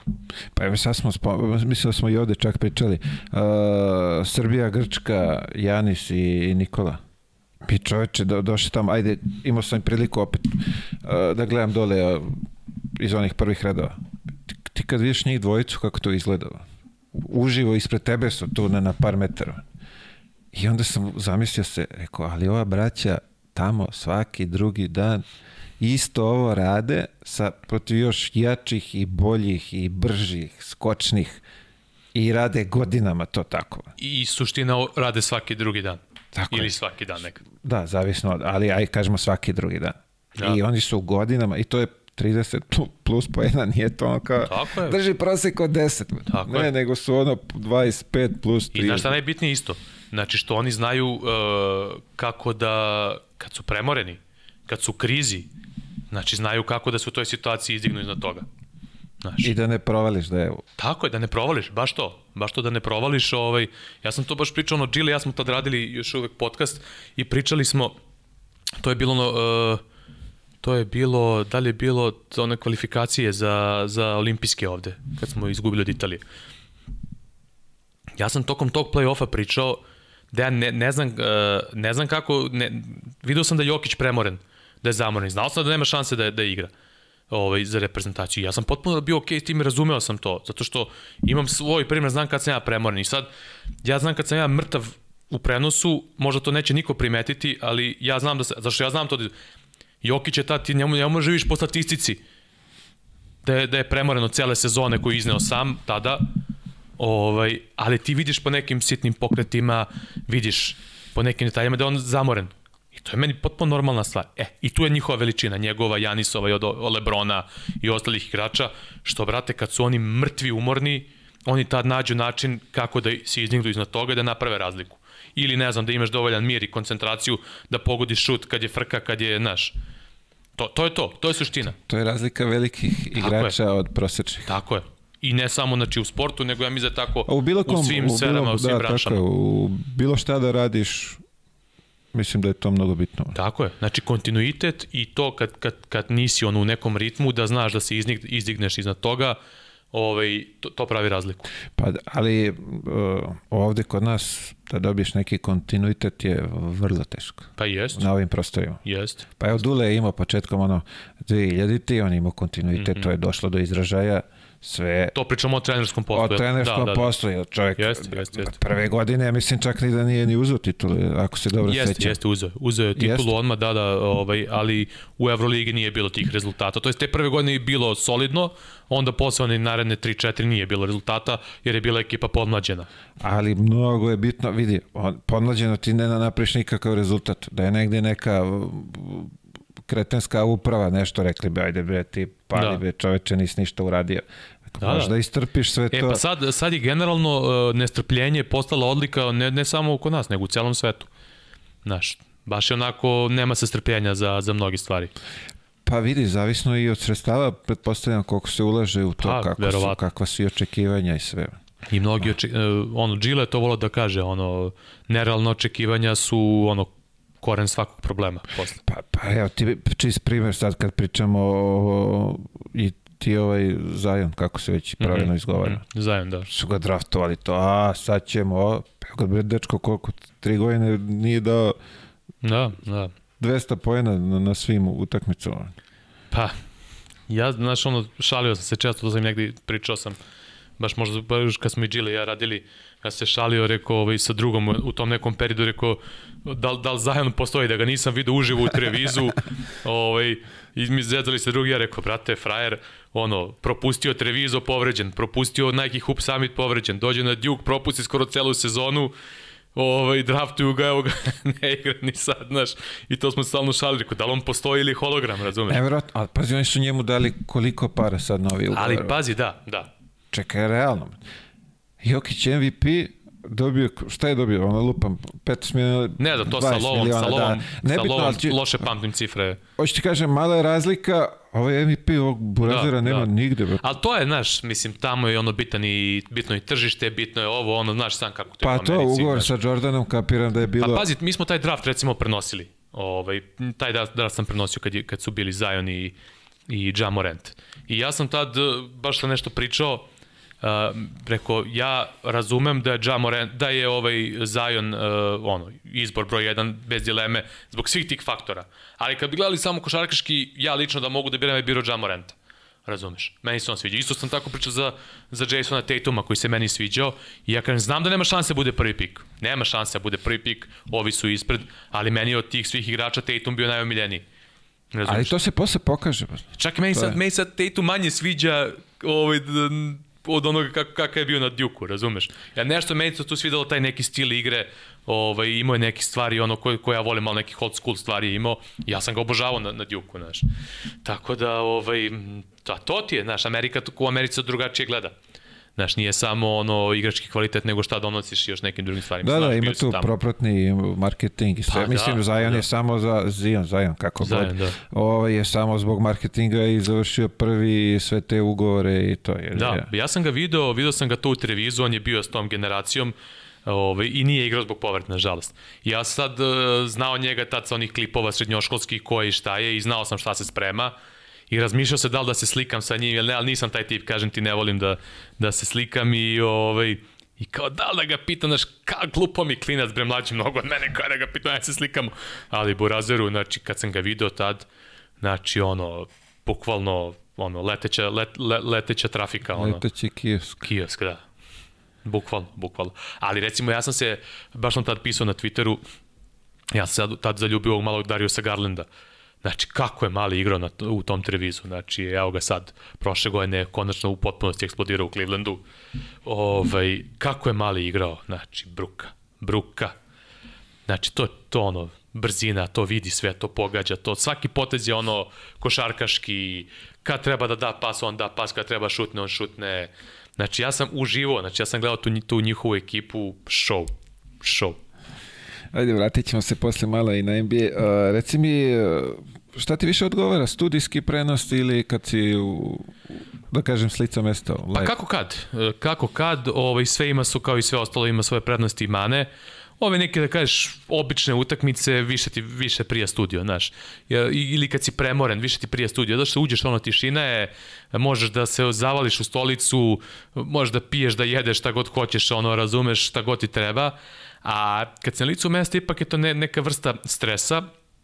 Ovaj, I sad posebno kada radiš, ne znam, Partizan Zvezdu, utakmice, ne znam, Euroliga, Eurokupa iz pionira, ti si dole na terenu, tebi tu prođe 7000 ljudi pored tebe, svi te nešto pitaju, znaš, ono, i osjećaš ono kad je ono atmosfera, znaš, svi su ti iznad glave, i ti sad radiš studio, radiš prenos, radiš posle studio opet, tamo vamo, znači baš se izmoriš, a ako si još umoran pre toga, baš je onako naporno, znaš. I onda u tim nekim situacijama ja više volim da radim iz kabine. ali brate kad radiš Final Four, kad radiš nešto bitno, razumeš, ono, jasno je da, da, da je mnogo bolje da se na licu mesta. I bolje na licu mesta zbog nekih stvari iz samog prenosa gde ti možeš da vidiš uh, šta se desilo na terenu. Znaš, ti ne zavisiš, ovaj, ne zavisiš uh, od, od, recimo, kamere, od kamermana, ovaj, uh, šta će ti prikaže, odnosno od reditelja šta će ti prikaže na, na terenu i to sve. I sad ja imam to neko pravilo kad radim, uh, ne, neću neke stvari da pričam ako ne vidim dobro na šta se desi. A kad si u hali ti možda vidiš neke stvari, da možda vidiš i eventualno ako dobiješ na monitoru i onda znaš, možda sigurnošću da, da, da kažeš. A ti recimo kad si u hali za početak, ti vidiš na primjer šta sudija pokazuje i znaš čiji je faul. Ja ludim od toga u prenosima, znači ja ne znam, kao da neko to namerno radi. Znači, neka specifična situacija, ti ne vidiš sudiju ispod koša šta pokazuje, onda ga čeka da dotrči do zapisničkog stola, i sad lovim nebitno, neki širok kadar, ja samo lovim sudiju da im šta će pokaže, promena kadar, kadra prikažu nekog u publici. Tak, da, I sad ti ono ne vidiš šta je pokazao, razumeš. I to mene tako izvuče. Još ako nema grafike, pa da, ako grafikom ne pokažu... često i grafika nije tačna. Znaš, i to ne može se, da se opustiš uvek, znaš. I, o, I recimo te neke stvari su ti mnogo bolje za kad si na licu mesta. Ti vidiš se kad se sprema neka izmena, vidiš šta se sprema, vidiš šta se dešava, vidiš ono... Vidiš nek... reakciju nekih tu A, pored tako je, i... možeš da ispričaš, razumeš ono, šta se dešava tamo, vamo, mi smo imali ono kad smo radili ono i Berlin, ono Final Four 2016. Pa se desi ono, kad je Kalina, kad se baci u tribine, pa ono, bilo ono, pored terena, sećaš ono Kuščenko i on je neki iz CSKA. Da, da, kad, da, kad da, tu, da, da. Ja, to se desilo ispred mene. Ja sad to vidim, u prenosu ne znam da li se videlo odmah, ali ja to vidim i sad ja mogu da pričam o tome, razumeš, da sam bio u prenosu, nisam siguran, ne vidim, ne bi možda vidio sleđa ko, ko tu sedi, razumeš i tako dalje.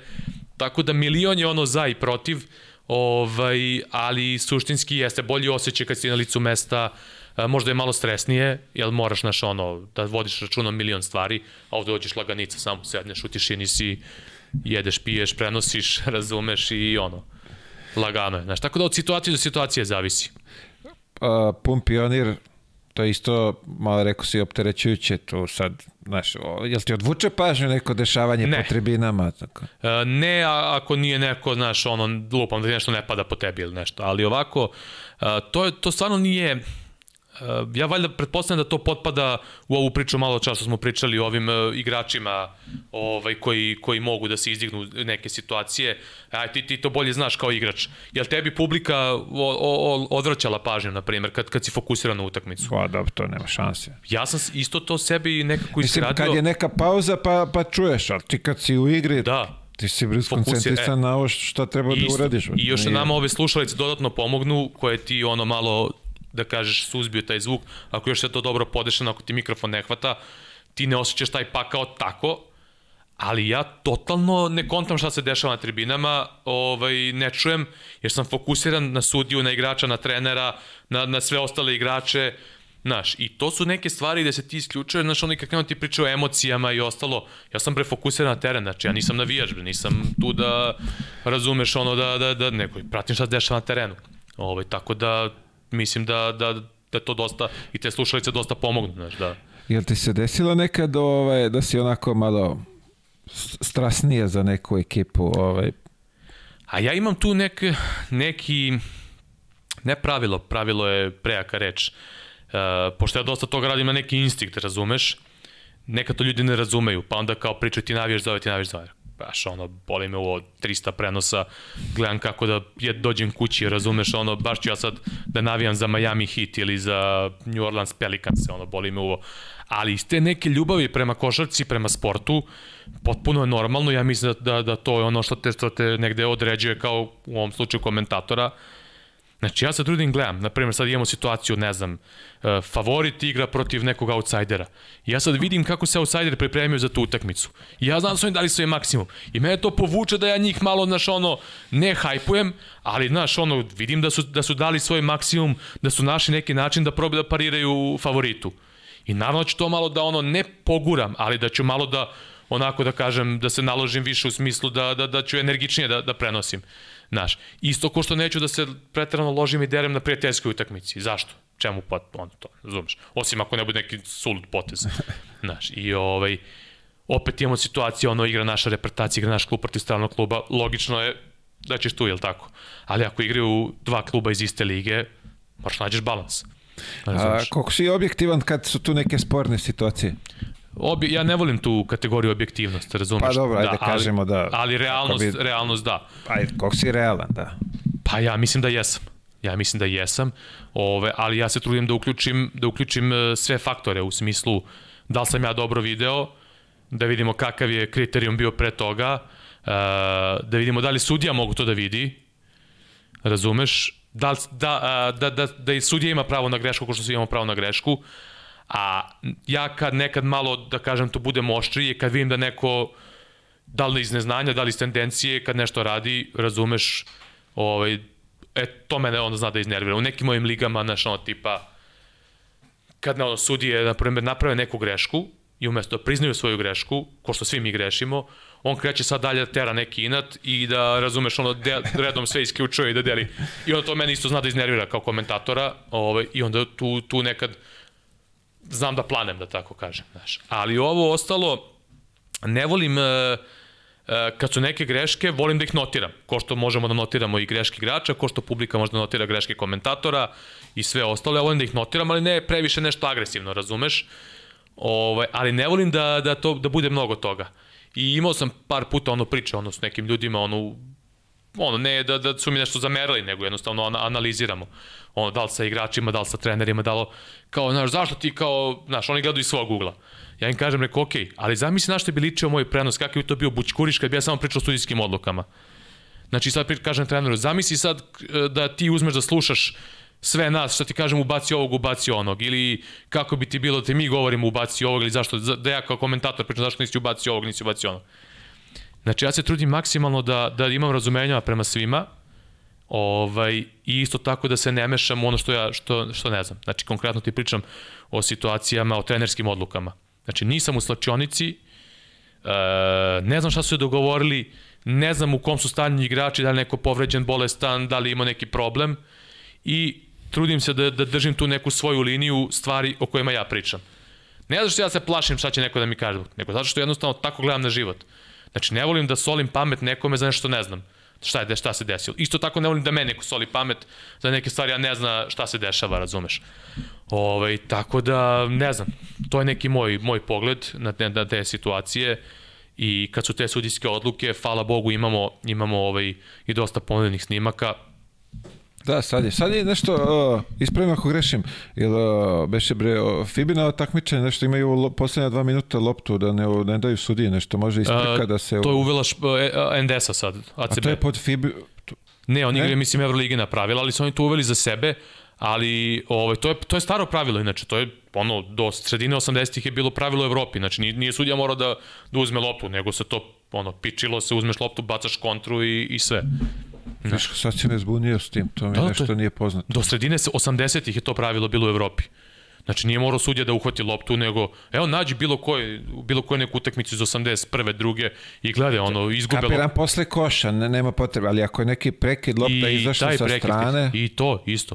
Znači samo uzima ili čas, često se dešavalo i da za ono što, da je sudija morao da ovaj loptu bacimo i odmah mu uzima i i meni je to okej, okay, meni se sviđa to pravilo. Zar, Sad si me, totalno se me zbunio, zar ja to i juče nisam vidio FMP da je i, i ovi, kako se? Nisam gledao utakmicu moguće, ali znam da je NDS... Nešto pred kraje, tako nešto je bilo sumnjivo, promaklo. NDS je to uvela, da je to... NDS uvela, znači pričamo o tome da sudija ne mora da uhvati loptu. Tako može, je, da, da, da. NDS je to uvela, ali do poslednje dva minuta, u poslednje dva minuta ne može. Aha, aha, A kažem ti to ranije u sta u što je isto zanimljivo, mislim da će to malo više da da ubrza, da ubrza utakmicu, da biće više poena. I tu, I tu su ti Španci isto majstori da, znači, znaju da oni igraju brzo, zna se koliko će to u, u, da ulepša košarku, jer gomera neki pravila koje je uvedeno u poslednjih recimo 7-8 godina ili tumačenja pravila, sve je bilo kao pod nekim uh, izgovorom da se kao ubrza igra, da se ne znam, uh, da se očisti igra od nekih prljivih kontakata, a po mom mišljenju ode u nekom drugom smeru skroz. Pa da, uspore, e, pa tamo većaju za onim televizorom nikad, bre, ne pa, pa se igra, to je to, bre, pa da, katastrofa. Znaš, ne I kažem to. da sam protiv toga, ali daj malo da se nađe neki balans, ono, Znaš, šta, šta se gleda, šta se ne gleda i dajemo neke, neke stvari. Ma da ja razumijem i sudije za to. Znači, to ti je ono parking senzori na kolima. Razumeš, ti kad nemaš parking senzore, znaš da parkiraš doktorski i sve vidiš i sve ostalo, kad se navikneš na parking senzore, frkati, posle se parkiraš ovako bez njih. Tako da ja razumijem i sudije da njima teže sad, e, da kad su naviknuti da imaju pomoć e, ovog, e, kako se zove, instant replaya ili vara u futbalu, da su i njima neka čula po znacima navoda otupela da neke stvari više ne mogu tako konkretno kod nesportskih faulova. Ti je znaš ranije kako su nesportske dosuđivali, sad niko ne može da osudi nesportski bez da pogleda. Da, da, da. da. Znaš, ali pretpostavljam to... Ali ubija utakmicu, brate. Ubija, ubija jeste, ritam jeste, i usporava jeste. i ono, zna bre nekad u prvoj četvrtini da se zareda dve, tri situacije pola sata Tako prva je. četvrtina, brate. Tako Baš je. je katastrofa. Reci mi ovo, uh, NBA dok si prenosio, jesi putovao za Ameriku? Nisam, imao neki? nisam. Ne, niste nisam, bili u mogućnosti? Nikad. Nikad. To mi je, to mi je onako žal ovaj, što nisam imao prilike da sa lica mesta prenosim ove neke igrače koje sam ja obožavao ovaj, u tim godinama dok sam se još ložio, tipa Duncan, Pierce, Ray Allen i ostali, znaš. To mi je žao što nisam mogu sa lica mesta da, da ih vidim uživo zapravo kako to izgleda na terenu, znaš. Garnet i ostali. To je bilo, to je bilo, ovaj, pa vi, dobro, vi sad prenosite, ali tako? Pa da, ali, znaš, nisam ja sam sad u nekim godinama da se više ne ložim na taj način, znaš, nije, pa nije, pa dobro, da. Nije, ne oduševljavam se više tako. Ali opet ima, cela, cela taj događaj je ono, lepo je doživjeti jeste, jeste, jeste. Ovaj, kako ne, i vidjeti kako, ne. kako to izgleda. Kako ne. Uh, Euroligine neke si išao na, na Sam Final Fora? Uh, Sam Final Fora Pa mislim, gledao sam ove po Beogradu, ali... Ne, ali jesi putao, pitam te za putovanje. Nisam na Euroligu, bio sam, e, radio sam na Eurocup kad je bilo Virtus Partizan u Bolonji. To mi je jedno od nezaboravnih iskustava, znaš. Ovaj, važnost meča, uh, ta moja neka... Čak, to je sad bilo, kada je to bilo? O, pre, pred pandemiju, ono, pred, ono, prekinuta sezona. A, okej, okay, da, da, da, da, okej, okay, da. da, da, da. I uh, ja sam ono fan, veliki fan italijanske košake, rastao sam na njoj u onu našu XU i ovaj, i od uvek sam imao želju da osim tu atmosferu u dvorani Virtuse u drugim dvoranama i dočekam to. Nameci se tako, naš ono, igra se važna utakmica, puna hala, navijači oba tima, ceo taj neki događaj je bio, razumeš, i mogu ti reći da sam baš ono, baš vratilo mi se posle 100 godina onaj klinački neki one osjećaj da sam presrećan zbog nečega, razumeš, ono. Što, što se... to vidio, kod njih je stvarno lepo, ono. Ma fenomenal, I... ma fenomenal. Fenomenal. Ja sam Ajde kažemo imao... kulturno navijanje. Sve, ono... ja sam imao prilike na, na futbale da idem na, ono, na, na kalčo i da gledam neke utakmice ono, u Italiji i to sve, ali na košarku nikad nisam imao prilike da, znaš. I baš sam onako, ko, ko dete sam se bio oduševio, ja sam imao šansu da to prenosim, da osetim tu atmosferu i ceo taj, da, da, da odem zapravo u, u, u Paladocu, razumeš, ono legendarnu halu, ovaj, baš onako lepo, lepo, znaš. Final Four, koliko si radio Final Four? Uh, koliko sam ih radio? Znači, bio sam Paris 10. Berlin 16. To je 2, 17, 18, 19. Od... Viktorija? Viktorija je 19. i sad ovaj. A ovde u Beogradu? Pa da, te, te, Oba? Tad, oba, da. Samo onaj nisam bio na licu mesta, ono u Kelnu. Ovaj, što je bilo ono pretošilo. To je sada za da. vreme pandemije. Pa tako. da, ono što je bilo kao, znaš, nije bilo svrhe da se ide tamo jer ovaj, ne možeš ništa, ni da, da intervjuišeš igrača, ništa da. i onda smo to radili iz Beograda. Tako da, na radio sam, i radio sam dosta njih ovde iz, iz Beograda, ono ranije, ono od, sedm, od 2007. Atina, pa nadalje radio sam ih ono iz studija. Kakav je doživljaj Final Fora? Čudan je, čudan, ono, odeš prvi put, super ti je, odeš, mislim super ja volim da idem tamo, ali čudan osjećaj u smislu ovih novih vremena i brendiranja svega, to smo se baš šalili, ovaj, Darko i ja, ono sve, Znate, dođeš tamo, jedino mi je Vitorija bila malo različita, jer je malo drugačija hala, ono malo Odeš, brate, ti ne znaš u kojoj si hali, sve ti isto, ne znaš u kom si gradu, sve isto je. A mi smo, hvala Bogu... je baš bila različita od svega. A da, ono, drugačija ona hala, znaš, ono malo... E, ovo pa i mesto kao mesto je da, specifično. Da, da. Ono, kod da smo došli u... Ajde, ne znam, daj mi, Vršac. Pa dobro, ajde. Vršac je grad brez ono. Da, i ovo, uglavnom, meni je, znaš, ono, to bilo interesantno. Ove ostale hale, ti uđeš u halu, ti si najveći deo vremena tamo u hali. I ovo, tebi sve isto Znači, isti hodnici, isti oni hospitality, ono, isto, ista hala, isto izbrendirano, isti program, isti koševi, iste mrežice, sve isto je. Znaš, i tako da posle ti neke dve, dva odlaska, znaš, ti tebi se svodi Više to, to to. svodi ti se na to da samo si želiš da budeš na licu mesta zbog posla i da vidiš grad neki, znaš, da obiđeš ili ne znam ja šta da putuješ, ono i to. A što se samog tog nekog doživlja unutar hale tiče, znaš, čudan je osjećaj. A opet imaš šansu da radiš vrhunske utakmice, vrhunske igrače i to te vuče na drugu stranu, znaš. Ču, zato ti kažem čudan, čudan je osjećaj.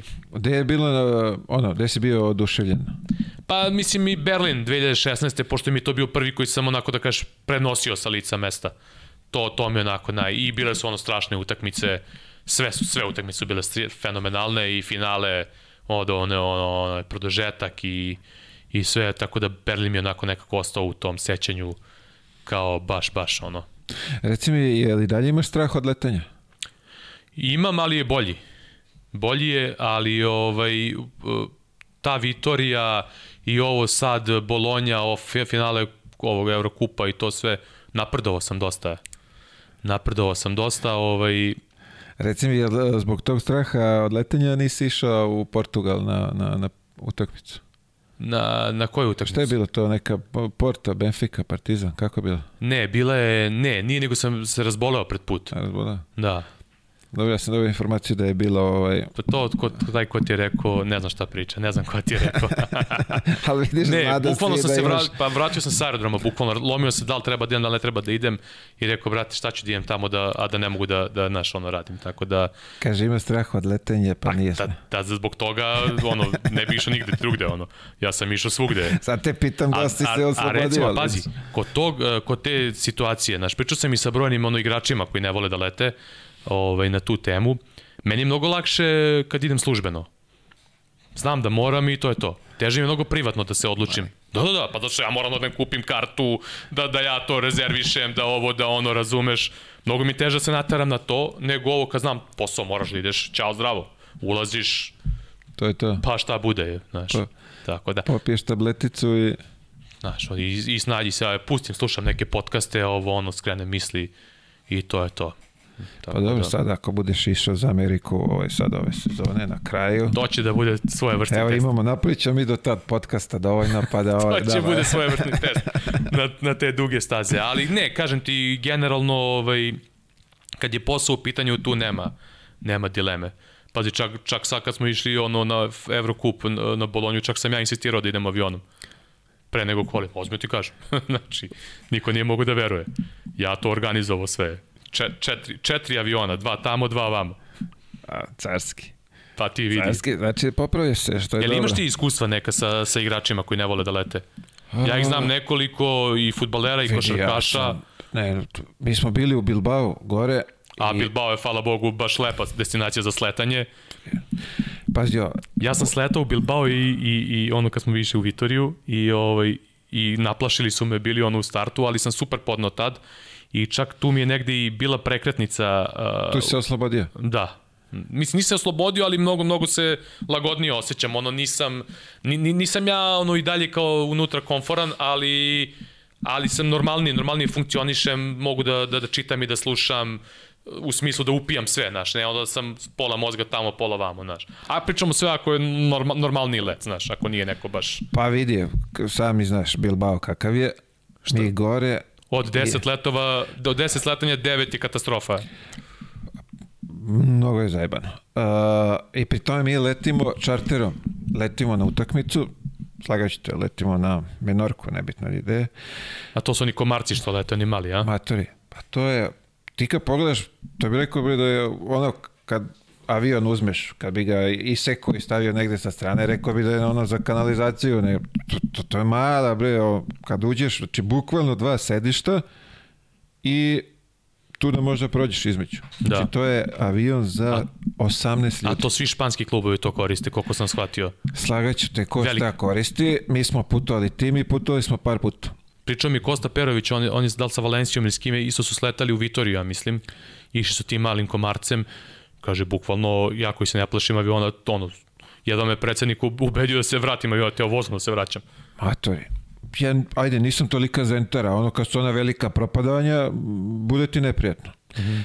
Ja nisam imao pojma, prvi, prvi naš let ja ovako ušao, provirio, vidim ja, nema mesta za mene, nema ne noge, ništa, šta ćemo, kako ćemo, ovaj, i sad kako se zatvara ona vrata, znaš, pa one stepenice ti uđu ovde ispred tebe. Mm -hmm.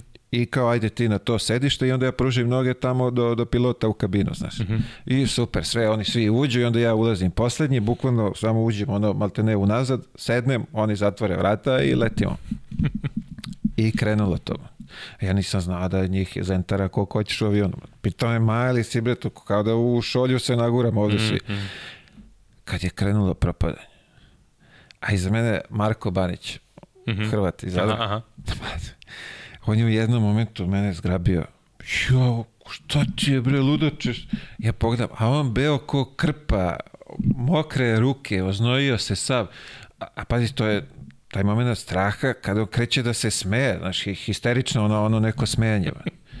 Ja, ovako, vidi, neprijatno mi, ali nisam, znaš, nije toliko. Sad, puštaj me, pe čoveče, pusti me, si lud, sve, polomit sve je dobro, sve je dobro dok ne, ne čuješ iz pilotske kabine što su mi neki pričali da su čuli pilota, op, op, op, op. nije, nije ovde bilo. Ali vidi, toliko, znaš, koliko bio još, da li je beše Rančik. Aha. Kako se zva čovjek? Martin Rančik. Tako je, bravo. Aha. On je bio s nama i isto je onako Zentara. I znaš šta, dvojica već ono, prenesu malo atmosferu i na ove druge, neprijatno ti bude. Pri tome još ovaj kad, kad me zgrabio, povukom i sedište nazad, znaš, usro se, šta je, ne, da, ne da, znam kako de. to. Pa, posle smo išli i oni velikim letovima, isto, znaš, i vidim, čim malo cupne, ovaj se hvata za šta da. god. Ali po, o to Bilbao, to je katastrofa. Bilbao i pričali su meni, pričali su mi neke kolege uh, koji su išli ono svoje vremeno na, na, kad su igrali futbol Celta i Zvezda. I kažu da je tamo sletanje u Vigo ovaj, od, od 10 sletanja, 8 moraju da sleću u Porto, pa da dolaze busom. Znači, ne, ne, ne mogu da slete. Kaže, bukvalno prolaziš ono vidiš krilima ono s leve strane planina, s desne strane planina, krila ono na, na pola metra kaže, drama bila, kaže, ne, pojedinci su naopački čitali novine, a kao cool su, kao šta vam je, razumeš, ono pogled on naopako čita novine, znaš. Ne, ne, neprijatno, ja stvarno kažem, ta propadanja, ono, kad su velika, stvarno je neprijatno, ovo ostalo se manje više nema problem, ali uh, sestra mi je igrala na Madeira, o, A, Ronaldo. O, da, da, on, o, da, Madeira. Tako je, da, i njima svaki let, svaka utakmica zapravo mora i ovamo na kopnu. Mm -hmm. Ma kaže, šta ti dođu tamo, i to se putuje slagaći, ne znam koliko, dođu tamo i nema ne može tamo da još neki tamo je još neki ludački aerodrom nešto pa autoput uz more bre odmah. i autoput je nešto ispod valjda piste neka fora ima tamo bre znam. Ma nema pojma. To znam da su mi pričali fudbaleri koji tamo igraju uh, kad igraju protiv onog nacionala. A oni su bre još tamo ne. Da, ono Funšal, onaj kako se zove. Kaže da, da uh, dovode treneri ekipu, dovode što kasnije na utakmicu, po mogućstvu da se popnu na zagrevanje direktno, jer kaže ono promene sa četiri godišnja doba u 15 minuta, kaže dođeš tamo nije ti dobro, ono ne znam da li ti se spava, da li si mrtav, da li si šta, kaže pa kao totalni je. Ne, ona mi pričala, znaje, ona bukvalno krenu iz, iz Portugala dole, ne vreme vamo tamo, ajmo nazad opet za Portugal. Mm -hmm. Šta mislim? To je pa da. ne znam koliko sati, ne, ne možeš sleti, ajmo nazad. Pa da, pa da. Haos. Ali bi, bi, ima jedan poznati bivši futbaler i trener, stalno je govorio, kaže da čovjek treba da leti, bio bi ptica, je. pa vidi, imam neprijatnost, ako se neko plaši toga, to je ono... Uh, reci mi ovo, intervju tvoj čuveni sa Blatom. Da, Ovo, misliš onaj neobjavljeni što e, ne to, da. to, to želim. Kako se to izdešavalo ne znam, kakva je to priča bila? Ovaj, znači, toliko sam bio ono srećan, razumeš, ono snimio na škapu. Kad je to bilo? To je bilo, sad ću ti kažem, pred onu utakmicu Zvezda Makabi, to je bilo nešto malo pre nove godine i tu se njemu drmala klupa ozbiljno. To znači bila se ona 2013-14, ja mislim. I drmala mu se klupa ozbiljno i a, oni su, ja mislim, dobili tad Zvezdu ovde u Beogradu ušli su u seriju, otišli na Final Four, osvojili su onaj Final Four u Milanu, on je sledeće godine otišao u, u NBA ja ga prenosim sledeće godine u finalu NBA sa, sa Lebronom ono, protiv Golden State-a. I, o, I mi napravimo tako jednu lepu priču, znači on ono super, ovo, ajde imao sam sreću posle da smo ga Gilija intervjuisali za podcast, ovo, ali tako lepu priču, ono, dotakli se raznih stvari, ovo ono, i ispao neki tehnički problem i ode mast u propast, nestade intervju, nikada je objavljen je. Znači, Kunertis... Čekaj, neko obrisao, šta neka, se nešto, desilo, ne znam da. šta se desilo, neka greška je bila i, i nestao. I, eto ti. I propade ceo propade, znači, a ja bio ono, znači, znaš koliko sam srećan bio, znači, on čovek se iz... tako lepo mi pričao, tako sam uspio da ga otvorim, ono, pričali ono o Princeton offense, pričali o o njegovim nekim počecima, o Pitu Karilu, o ovome, onome, znači baš smo se dotakli, dotakli smo se svega i evropski kor. I kažem ti, posebno što mi ono žao bilo, što je ovaj, posle, znaš, ono, posle godina dana ono, u NBA finalu, razumeš, ono i sve. I eto ti. Kakav male. Kakav ja i dalje ne mogu da verujem da se to... Pa desilo. desi se, pazi, ja sam ti od tih likova što sam ono, svašta mi se izdešavalo tokom karijere, tih stvari, ja sam ti ono što kažu, brate, ko se uh, jednom na, na mleko peče, taj u jogurt duva. Ja ono posle idem sve spremno, zna Vanja, brate, ono kad smo ovde snimali Znači sa 14 strana da se obezbedim, samo što ne snimam podcast svojim telefonom od ozgo, da ne da i Bože ako, ako rikne nešto ovde, da, razumeš da imamo. Mada ti ne pričam, ono, pa mi rikne mikrofon ono, kad sam Željko Obradovića snimao jednom za podcast isto, pa ne znam, ono, tako ne, znaš, ono, I uvek sam ono nosi onaj kako se zove snimač, onaj audio snimač, uh, diktafon za svaki slučaj da ako ako pukne da bar imam audio verziju.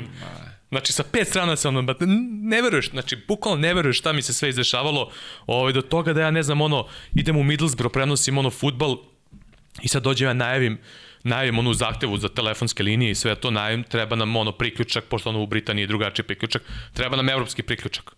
Nije nikakav problem, sve okej. Okay. Dolazimo mi na veče pre utakmice ono trening, dolazimo ja od odam, uvek proverim komentatorsku poziciju, nema cimaj tamo na ljude, dobro, nema, nema problema, ok, sve ćemo to sredimo sutra od utakmice. Dolazim sutra na utakmicu, naravno, nema ništa. Joj, šta ćemo, ono bliži se početak utakmice, ja sve sam, naš ono, tad nije bilo ni mnogo, ja idem sam, ja sam sam svoj majstor, razumeš, komentator, tehničar, uh, satelidžija, razumeš, sve sam je. I ovaj, Čekaj, I dođe. Tad, uh, na radiju, na radiju. na radiju sam radio, da. I ovaj, i sad dolazim ja, šta ćemo, kako ćemo ovo, ono, zovemo, velika tehničar tamo stadion ne može nađe šrafciger. Rekao, čovječe, ali moguće na šrafciger na celom stadionu je, o čemu se radi? I počinje, ono, bliže se početak utakmice i kaže meni ovaj lik iz BBC-a, komentator pored, kaže, brate, lomi to, ajde, šta što, ono, i mi šta ćemo, ono, hemijsku neku udri, ono, znaš, nalazi se nečim udara i da nekako ga odvojimo, razumeš, nemaš šrafciger, nema. I idu žičice, brate. Spojili smo žičice telefonske, razumeš, i ja ti prenos ono lagano odradio, brate. Razumeš, čuveni Riverside stadion u Middlesbrough, jen. Eto ti. Kako, čekaj, sad, sad mi to prijasni. Šta ti? Ti uzmeš taj telefon, zoveš ovamo. A, to ti je, to ti je, to, to ti je zapravo, ne znam sad kako funkcioniš radio, ali tada to, znači pričamo, to je 2004. godina, ja mislim. Ovaj, e, to ti je kao, kao što imaju sad ovaj kodek za, za prenose televizijske, znači to je kao neki uređaj koji liči na telefon, i ti u njega možda uključiš slušalice i mikrofon ovaj, i imaš pozadi, znači, gde ubacuješ kabel, odnosno, odnosno telefonsku liniju Dobro. i struju. Dobro. I sad to ide, znači ti zoveš valjda telefonskim putem, ono, pozoveš telefonom i to je tako išlo tada. Ček, ti zoveš tipa fiksni u Tako radiju, je, tamo gde... je. E sad naravno ti to, te, te, te veze naručiš uh, putem Telekoma, Telekom ovaj naš sa Telekomom u toj zemlji imaju ne, ne znam verovatno neku saradnju, ne znam kako je to funkcionisalo i to ti na, naravno ne ide ko sad ja da zovem tebe u Španiju, na primjer, da Jasno, pričamo. da, da, da. Ovaj, I tako to funkcionalo. Sad to je mnogo lakše sa internetom, razumeš? Ono, Kapiram, i da, nego bi lakše. to bilo čudno. Šta i onda oni tamo negde spoje nešto opet u... Oni tamo u mikseti to sve posle puštaju ovde, znaš, što ti čuješ u programu. Ali kažem ti, mi smo ono žičice, ono krvavi prsti i, i snađi se, brate, znaš. I to, to ti ta škola koju moraš da prođeš. Znači, prošao sam svašta, ono, prenosio sam futbolske utakmice, neki mali stadiona, stadiona, sedim s navijačima, držim ono u krilu, držim tu aparaturu za prenos i pazi šta kažeš, brate, da se neko ne naljuti, znaš, ono, ima, znaš, ima, ima, imaš takve situacije, uvijek neko nešto naljuti, smeta mu, ne. Ako kažeš loš teren, šta ti pričaš, šta glumiš ti kao loš teren, ovo, ono, pa loš je teren, skače tandrče lopta, moram kažem da loš teren je, razumeš, tako da, ovaj, prođeš svašta, zato, zato je radio isto carski mediji, brate, ono, prođeš svašta, naučiš se, posle ti sve ono mnogo lakše. Bude lagano. Da, da.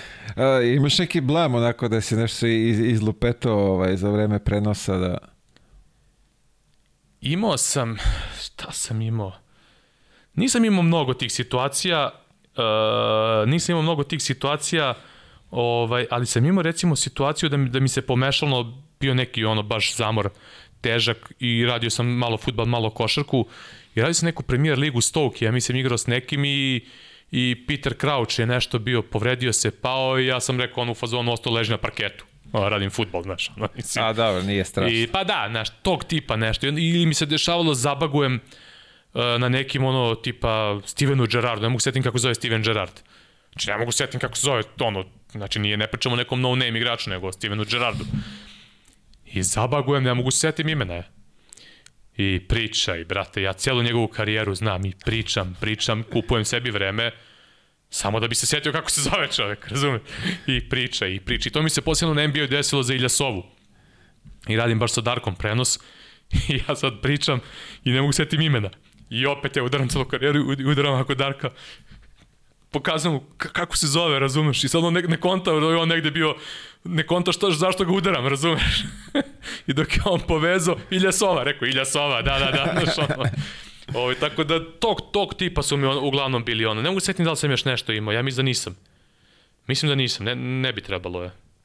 Pa dobro, nije strašno, nije strašno. Nek tako i ostane. je. Nek tako i ostane. Nek tako. Ovaj, e, reci mi sada očekivanja, ova liga, šta očekuješ? u- Pa biće interesantno. Biće interesantna sezona, ja mislim. E, Partizan i Zvezda su napravili moćne sastave. E, U odnosu na prošlu sezonu možda je Zvezda malo manje iskusnija pričamo o porađenju sa prošlom, a Partizan malo više iskusa nego što je bio prošle godine, odnosno ima malo više rutinera nego što ih imao prošle godine, a Zvezda opet do, do nekih promena došla ono, taj neki kontinuitet koji smo pričali, o kom smo pričali i sistem koji imao Deo Radonjić, ovaj, znači sad eh, Vlada Jovanović dolazi ovaj, e, kao, kao trener, dakle, e, dva vrhunska tima sa dosta kvalitetnih igrača, a onda imamo sa druge strane i budućnost koja je po mom mišljenju napravila zaista jednu fenomenalnu ekipu e, sa igračima i sa nekim igračima koji su negde se etabli, etablirali po ovim ligama po Evropi tipa Nemačka, ne znam Donji dom Španije, ono Obrado Iro i tako dalje, a to su igrači koji su dalje ono što se kaže gladni da odu na još viši nivo. I mislim da, da je budućnost napravno sjajnu ekipu ove godine i bit će interesantno njih pratiti, isto kao i Cedevita Olimpija koja je dovela onako e, na, na Jogija Ferrella i na već onaj neki tim koji je ostao od prošle godine dolaskom Erona Harrisona i ovoga Josha Adamsa, znači oni imaju 3-4 onako baš ozbiljna individualna ono kvali- kvalitetna igrača, kako će sve da funkcioniše ono u timu, to ćemo da vidimo. FNP je napravio sjajnu ekipu, ovaj, isto mnogo iskusniju uh, nego prošle godine. Ovaj, I mislim da će biti Igo Kea isto ima jednu do, dobru ekipu, tako da mislim da će biti onako zanimljiva, zanimljiva sezona. Iako opet mnogi svi daju veću prednost Partizanu i Zvezdi u odnosu na ove ostale timove, ali, ali ovaj, imaćemo sad tu specifičnu situaciju da će i Partizan i Zvezda igrati Euroligu, da će biti premoreni, da će možda i planski, možda i neplanski morati malo više da puštaju i neke mlađe igrače i vidjet ćemo kako će to sve funkcionisati, a mislim da budućnost Cedevita, Olimpija baš onako spremno čekaju Čekaju, da, da, da, da, da, da vrebaju ono iza ćoška što se kaže da, da, da, da probaju da poremete uh, tandem uh, beogradskih večitih. A, Partizan, Zvezda, Euroliga, posle toliko godina. Ne znam šta da mislim. Uh, pri- Pričaš o fenome, fenomenu ili o generalno Ne, evo, konačno dočekali smo da su zajedno u Euroligi Taj fenomen- i ekipa, kako će to da izgleda tamo. To mi je fenomenalno i ja se nadam da, da, da ćemo svi kolektivno biti uh, pametni da, da se to održi na tom nivou i da to ne bude samo jedna sezona, nego da to bude onaj kontinuitet o kom smo pričali. Jer takva neka stvar može zaista da bude spasonosna za, za našu košarku. Ovaj, jer ja znam one jedne godine kad su već bili zajedno Partizan i Zvezda, iako nisu igrali međusobne mečeve, jer su bile još uvek one grupe, a sad će biti prvi put u istoriji da igraju ono u evropskom takmičenju jedni protiv drugih. Ja se sećam, uh, tada, znači radimo veliki broj mi smo tada već počeli prenosimo sve utakmice Evrolige. I ja sam to, i mi smo posle u Berlinu na Final Fouru intervjuisali Đordija Bertomeu i ja sam njemu to pričao. Ovaj, ono, posle, posle snimanja. Pričao sam mu zapravo o tome e, šta znače Partizan i Zvezda i koji su to navijačke baze i koje je to doživljaj sporta i sve ostalo. E, tada je, e, znači, ti sad kao, ono, drugari ti, ne znam, priči, ili ne znam, pišu ti na, na društvenim mrežama ili šta ti ja znam. Niko nije tad nešto pretarano mnogo gledao ove neke druge timove, znaš ovo. I dešava situacija, igraju Partizan Zvezda zajedno, pa sad, ono, bitno ti je za prolaz u grupi da vidiš šta će da uradi, ne znam, ovaj, šta će onaj, pa svi hoće da gledaju u Budiveljniku nikaka, pa svi hoće da vide ovo, pa ne znam, jedni dobili u, u četvrtak, drugi igri u petak, pa čekaj, sad moramo mi da dobijemo, pa je to neka tenzija, pa ovo, pa ono, pa ovaj... I krenulo nekako i sad jednom se desi situacija pišu ti ljudi, alo bre, šta prenosite Budiveljnik protiv Unikahe na sedmom kanalu, kao ćemo to da gledamo, zašto ovo, znaš? Da I to je tako promenilo neku percepciju i gledanje i to ima veliki uticaj, znači, ono, na, na, na sve strukture. I ja mislim da to zaista sad fenomenalna stvar i nadam se samo da, da će ti derbi u Euroligi da proteknu uh, kako treba i da se ono pošalje kaže pošalje prava slika. Kvali... Misliš da ćemo uspeti to? Ja mislim da, da, da hoćemo, ovaj, da bi trebalo. Vidio, e, znaš šta, ovaj, ono što sam ja zaključio, mada nisam u pravu verovatno, jer tu oni su mnogo stroži u tim nekim, kažemo, kaznama i, pa da, pa i da, to sve, pa da. tako da bi možda mogli za nijansu da budu onako prizemljeni. Pa vidjet ćemo, ja se nadam iskreno i voleo bi da to ne bude samo jedna sezona, nego da uspemo da kažem na svim nivoima da, da, da, da se to izgura, da, da to bude neki standard. Ovo, ovaj, jer Beograd po svemu ovaj, zaslužuje, zaslužuje, a mislim da sada i Partizan i Zvezda ovaj, poslednjih nekoliko godina rade dobar neki posao u smislu uh, E, tih nekih zahteva Evrolige od marketinškog pa nadalje preko budžeta i svih tih stvari mislim da, da rade uh, po tim zahtevima Evrolige i da sa te strane ispunjavaju te neke kriterijume potrebne za Evroligu i zato kažem nadam se da će sad svi kolektivno da ćemo uspeti da, da postignemo to da to bude standard da i da jedni i drugi budu da budu evroligaši. Vidi što se sami klubova tiče i njihove organizacije, ja ne sumnjam u to. Ja da. samo se brinem uh, navijača i svega tih sranja koji učestalo prave oni ovaj kad god dođu do, do, do te neke utakmice. A ja mislim ne bi trebalo toga da bude ovaj da da da će ovaj i to kad kažem svi ja verujem da da se tu izmirete neke strasti ovaj u svakom smislu da da nema potrebe za tim, znači tako da ja verujem da će biti dobro, da će biti, proti kažem, ja da čekam te derbi u Euroligi, nešto mi nešto, malo stvari u, u sportu, od kad ja pratim sport, može da kažete nešto kao tu iznenadi, da nešto novo doživiš, znaš, ovo je baš neka stvar koja je nova. Znaš, nešto pokušam da setim, ne znam da li u nekom sportu je još isto bila situacija da Partizan i Zvezda igraju u evropskom takmičenju, jedni protiv drugih. Ja mislim da ne. ne. ne. Ne. Tako da baš je onako specifična situacija i jedva čekam te, te duele da gledam. Biće zanimljivo svakako, biće, biće, biće zanimljivo i kažem opet, nadam se da ne znam kako mi možemo da pomognemo kao mediji da ovaj da, možemo da tako što utičemo. tako što ćemo da pričamo ja znam kako možemo znači ja ja ono uvek se trudim da pričam samo o sportu i o igračima kao što ti rekao na početku meni su igrači treneri svetinja i kad su prenosi u pitanju znači pitali su me mnogi ovaj kao naš ono kad sam radio poslednji prenos ili sad prvi prenos na novom poslu kao da si spremio neku odjavu, najavu, nešto specijalno. Nisam ljudi, zašto bi to radio? Pa ja sam komentator, znači ja sam tu zbog utakmice.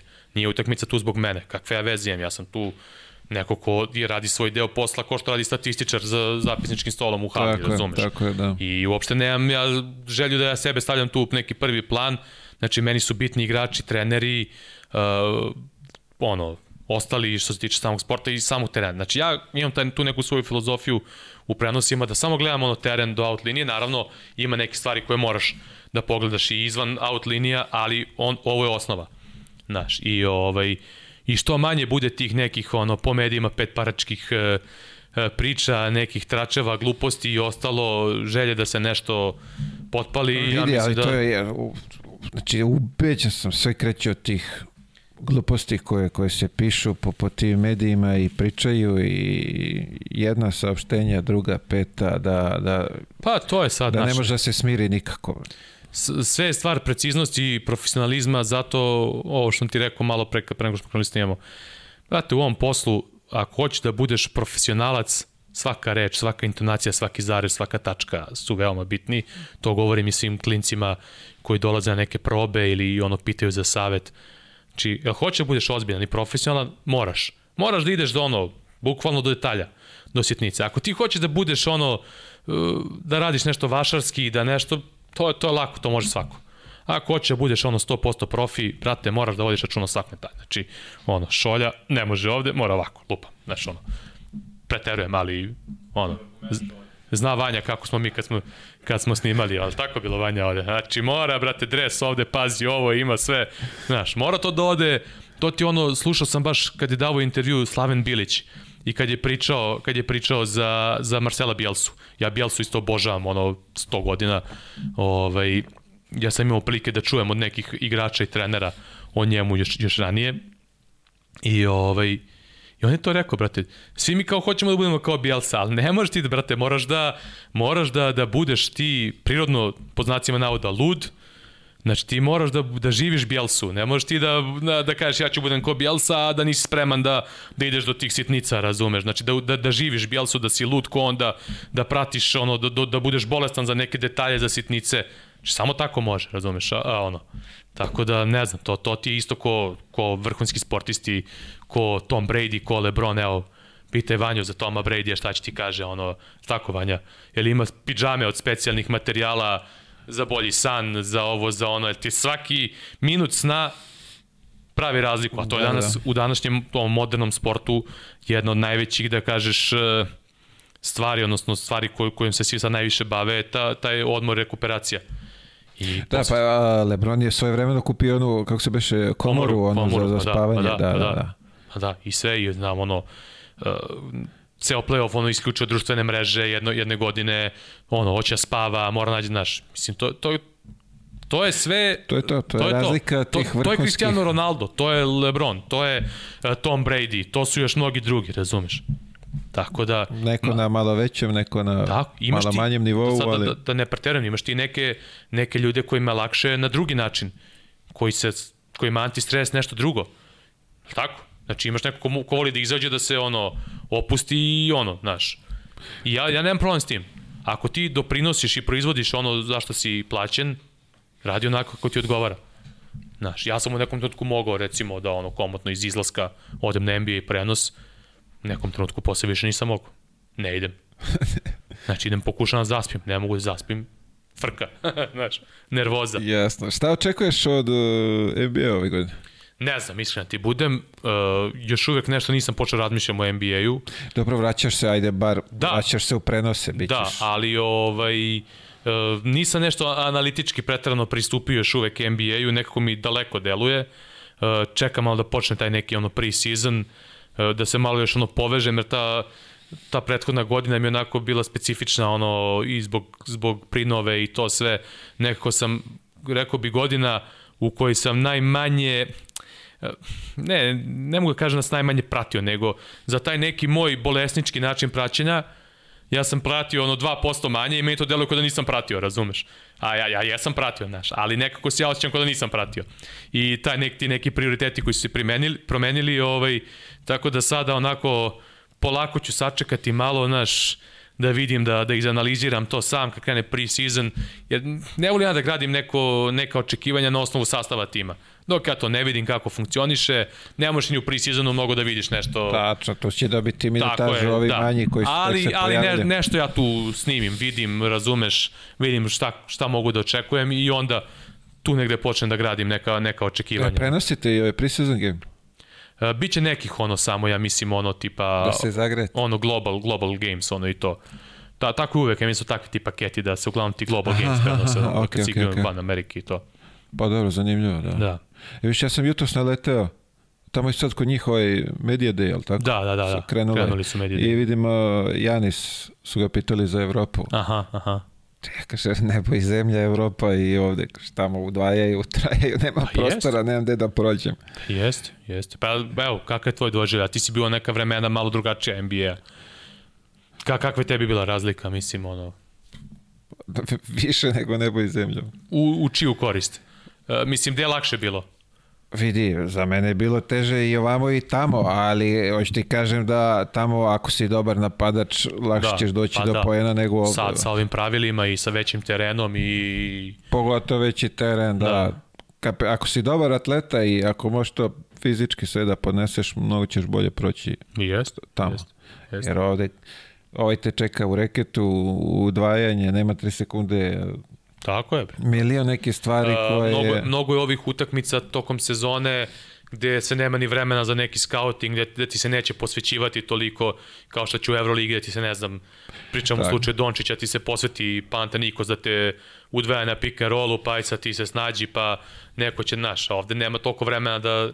Pa sama, sama njihova filozofija da tebi ne zavisi toliko sezona od uh, jedne, dve, pet utakmica, ti si mnogo opušteniji u, u pristupu. Tako je. Ti, ti ovde znaš, ako izgubiš, ne ulaziš u play-off, šta već Da, ide, ti kako ide. jedna utakmica ti odlučuje o životu, bukvalno. Tako je, dok, tamo ono, cepaš, uđeš u play-offe, onda već krene kao ta neka ozbiljna košarka. Mislim, i ovo je ozbiljno, koliko god nama delovalo da, da, da nije, ali ovde, prijatelju, ako izgubiš dve, to je Da. ozbiljna A kako si ti gledao, ajde sad ja tebe da, ono, da pitam, ovaj, ti si imao recimo neke tamo sajt, bio je Marko Williams s tobom, je bio tako u New Tako je. Jersey, da. Kako si ti recimo, ja sam njega obožavao kao igrača i ono kad je došao u Evropu i kad je imao one probleme posle srce, ovo ono, kad dolazi u Zvezdu, ja sam bukvalno znao. Imao sam neke kolege koji su ga doživljavali kao indijanca. Ja sam rekao, brate, ljudi, nemojte pričati gluposti. Znači, ozbiljan igrač, ozbiljan ono kreativac, ozbiljan ono majstor, razumeš? I nekako sam znao da će u Zvezdi da da, da, da okrene, da okrene neke stvari, razumeš, i stvarno Kako, evo, kako si ga ti recimo, Vidi, on kako je- ste ga očekivanja bila, nevezano za to, na primjer, što ima onih problema sa srcem i A, pazi ovako, mi smo, mi samo. smo uh, ruki, ja, on i Josh Boone smo bili, na stojica I smo da, i bili. Bun je posle bio u Himkiju i po Evropi Tako je, igrao, da, da, da. Ali, hoću ti kažem, njegov taj talenat koji on ima, napadački, odbranbeni, tu nema šta, mnogo pričamo o tome, ali taj napadački talenat, znaš kad se Jason Kidd divio njegovim potezima, Da. Jason Kidd koji sve vidi Mhm. i par koraka unapred i sve, samo što je on takva glava bilo, bio ovaj len, nije on taj tip da će on sad nešto da zapne da radi. Mhm. Jel ono, bukvalno taj priča bila, samo da nije ovolika lenština, vrhunski Da, napadač. da. Ali onda je bio, znaš, ne, Daj pričaj ti meni malo Jasonu Kidu, bre, evo te, ovo je pre, prilika je da ti otmem podcast. šta te zanima? pa bre? pričaj nešto malo, daj da, da čuju gledalci, evo, ne, ne, nema svako priliku da igra sa Jasonom pa Kidom. vidi, da. Ali ti si beše bio je Kid, bio je Carter, bio, bio je Carter, uh, Jefferson, Jefferson, Krle je bio tada, to ona Krle, generacija Lawrence Frank, tako je vodio. uh, Tako je, Lawrence Frank. Da, Katastrofa živa. Ovaj, od čoveka tek. Aj pre svega kao čoveka. Ali, ovaj, uh, šta ste rekao, Cliff Robinson? da, uh, da, Uncle Cliff je bio. Tako je, ovaj Twin, ovaj Twin Collins, Collins, što je da, posle Jason. prešao u ove, Golden State gde je bio, ne, u Atlantu gde je bio. ne, prešao je u ove, A, aha, aha, okej, okej, okej. u drugu zajednicu. Da, Ovaj, bio je Eddie House, jeste, da, da, da. Marcus Williams, uh, Bokin Akbar je bio, ali tako? Tako je, njega su spomenuli. Uh, Mikey Moore, uh, koji je što bio zanimljiv? Cartera, da. Cartera smo pojeli, da. A šta, ti ja došao tamo u, u srce u Gaćevac kad sam video i imena koja su u slačionici. Da. Još je pre na trening kamp je dolazio, pomozi mi, igrao bre za New York Knicks-e, dvadesetica njihova bre. Alan legenda. Houston. Allen Houston. U. brate. I on je dolazio, nešto je bilo, hoće li preći, neće preći, nemam pojma. Znam, ono, spremili mu dres u slačionici, okačili Kako sam ja sve. njega volao, je. Šta, ako sta, wow. Kako sam ga voleo, znači još ono, tad smo ono mi kao klinci igrali onaj NBA Live, se, se Live zvao, tako Vanja? Ovaj, na kompu, znači svaki put sa Houstonom samo prepaljujem trojke i samo čuješ ono kao spikera na igrici, ono Alan Houston, kad kaže, ja, ništa mi uopšte nije bilo. Stolikovi, bre, sad, ja, a, čak je bio, bre, njega su isto teli da potpišu, isto su mu dres priredili. Uh, Abdul Čab, kako se zvao neki, imaju dva ona prezimena, brate, A, ko je bio, a, ša, Šarif Abdurrahim ili, E, ta, ko ima još od tih? Pa ima, čekaj, koja je pozicija? Ja mislim neka četvorka nešto. Čekaj, bio on Tarik Abdul Wahad što je igrao za Sacramento i Ne znam, znam da su bila ta dva prezimena. Bre, Dobro, on je bio ono, da, da, da, Šarif isto verovatno, Tako je dolazi da. u posjetu, On je isto je bilo da će, da li će da pređe, neće. I ono, što, da. Ali taj trening kamp kad je počeo, vidi. i Kid. Kid, Ta tell me. kid. Nije, ali više ono, svi su oni ono cool, sve na treningu super, ali nema tu ono kao sad, e, ajmo na kafu, ajmo večera, to ne, burazeru, mi dođemo tu, odradimo, sve je Pa da. super, savršeno. See you tomorrow. Da, da, da. I tu se završava cela, cela naša konverzacija, zajbancija, sve. Ali to je, da- to je negde i kada je NBA u pitanju nekako naučiš se verovatno tamo na te neke različitosti, različite pristupe. Ne. Mislim, ti imaš tih igrača zvezda, ono, pričali su mi igrači za neke igrače, ja sada ne, znaš, ono, dođe fakultativni trening za ovo mlađi koji nešto tu kao treniraju, on dođe iz izlaska, ono, i dođe i korigujete. Iako on ne trenira, ono, bio došao direktno iz izlaska, ali koriguje tebe, razumeš, imaš te neke koje ono pojavi se samo na treningu na utakmici. Imaš, ka, kažete, imaš ovo, daći ti oni savjet uvek, znaš. Da. Ako pitaš, neki hoće i dobrovoljno, neki će, neki hoće, ono, zahtevaju da ih pita šta već, ali u suštini prepušten si sam sebi. Trenera isto moraš da vučeš, imaš ono, oni će ne ostaje nešto tu sa tobom malo, ali za nešto preko više ti bukvalno moraš da ga cimaš, e, ajde, pošto kad ga zoveš, on već ne može tako ni da odbije, znaš, ne sme zbog kako već tamo funkcioniše ta njihova radna etika i šta već, ali vidi, kid, tata košarke, Ma, tata košarke. šta čovjek sve, šta je on video sve, koji su to pasovi bili, one. Pa bio i Bokin Akbar ovde kad je ono bukvalno, ne znam, rekao se da si slu, Slušao sam da, i, počeo, i na kraju nisam dovršio. I, I, ovaj, I morat ću ga bukvalno dovršiti. kaže ono, ej, u toj toj situaciji ti stoji tu, samo vidjet ćeš, kaže, i onda on kaže nešto tamo zamlati levo, desno i kaže, vidiš, samo lopta stiže do tebe. Pa da. Pa mi na treningu, bre, sećam se, koji juče da je bilo, sad smo igrali neki, kako se to zvalo ovde kod nas? Flex, onaj, znaš. A, flex napada, ha? Tako je, da, i ja dole nešto ovaj, uh, pravio sam za, za, za Jeffersona ili za Cartera, znaš, neki blok. I oko se okrećemo lopta ovde. Da, da. Znači, Da, da sam malo sporije odreagovao, puča njonjera gotovo. Pa da, Znači, kad, brate, bukvalno nisam se ni okrenuo lopta ispred glave. da, da, pa to su ti majstori. Pa. Ti dao korak, da ti sve je. Znaš, Ali ono što mi se tamo isto svidelo, uh, ta kontra, kako to oni otvaraju. E, a to, a to ono što si me pitao malo pre recimo za, za prenose za hajpovanje. I sad ja kad vidim tako nekog, što ti kažeš kod Jason Kidd, što radi to nešto što je majstorski, a deluje da svako od nas to može da uradi, ja recimo to volim da ishajpujem. E onda, a onda neko ima doživlja da je to lagano i onda kao šta ti preteruješ, šta ga hajpuješ, znaš. To, vidi, pa to je to. Lagano je sve što drugi radi. Tako Što je. ti nikad nisi uradio, nemaš predstavu koliko a je teško to ali, da... Ali to je i dokaz ne, nečeg majstorstva, da nešto što je teško uradi i da tebi deluje da, da je lako i da može svako od nas da uradi. Pri tome, Carter, na primjer, nikad na treningu nije zakucao nijednu loptu. Da.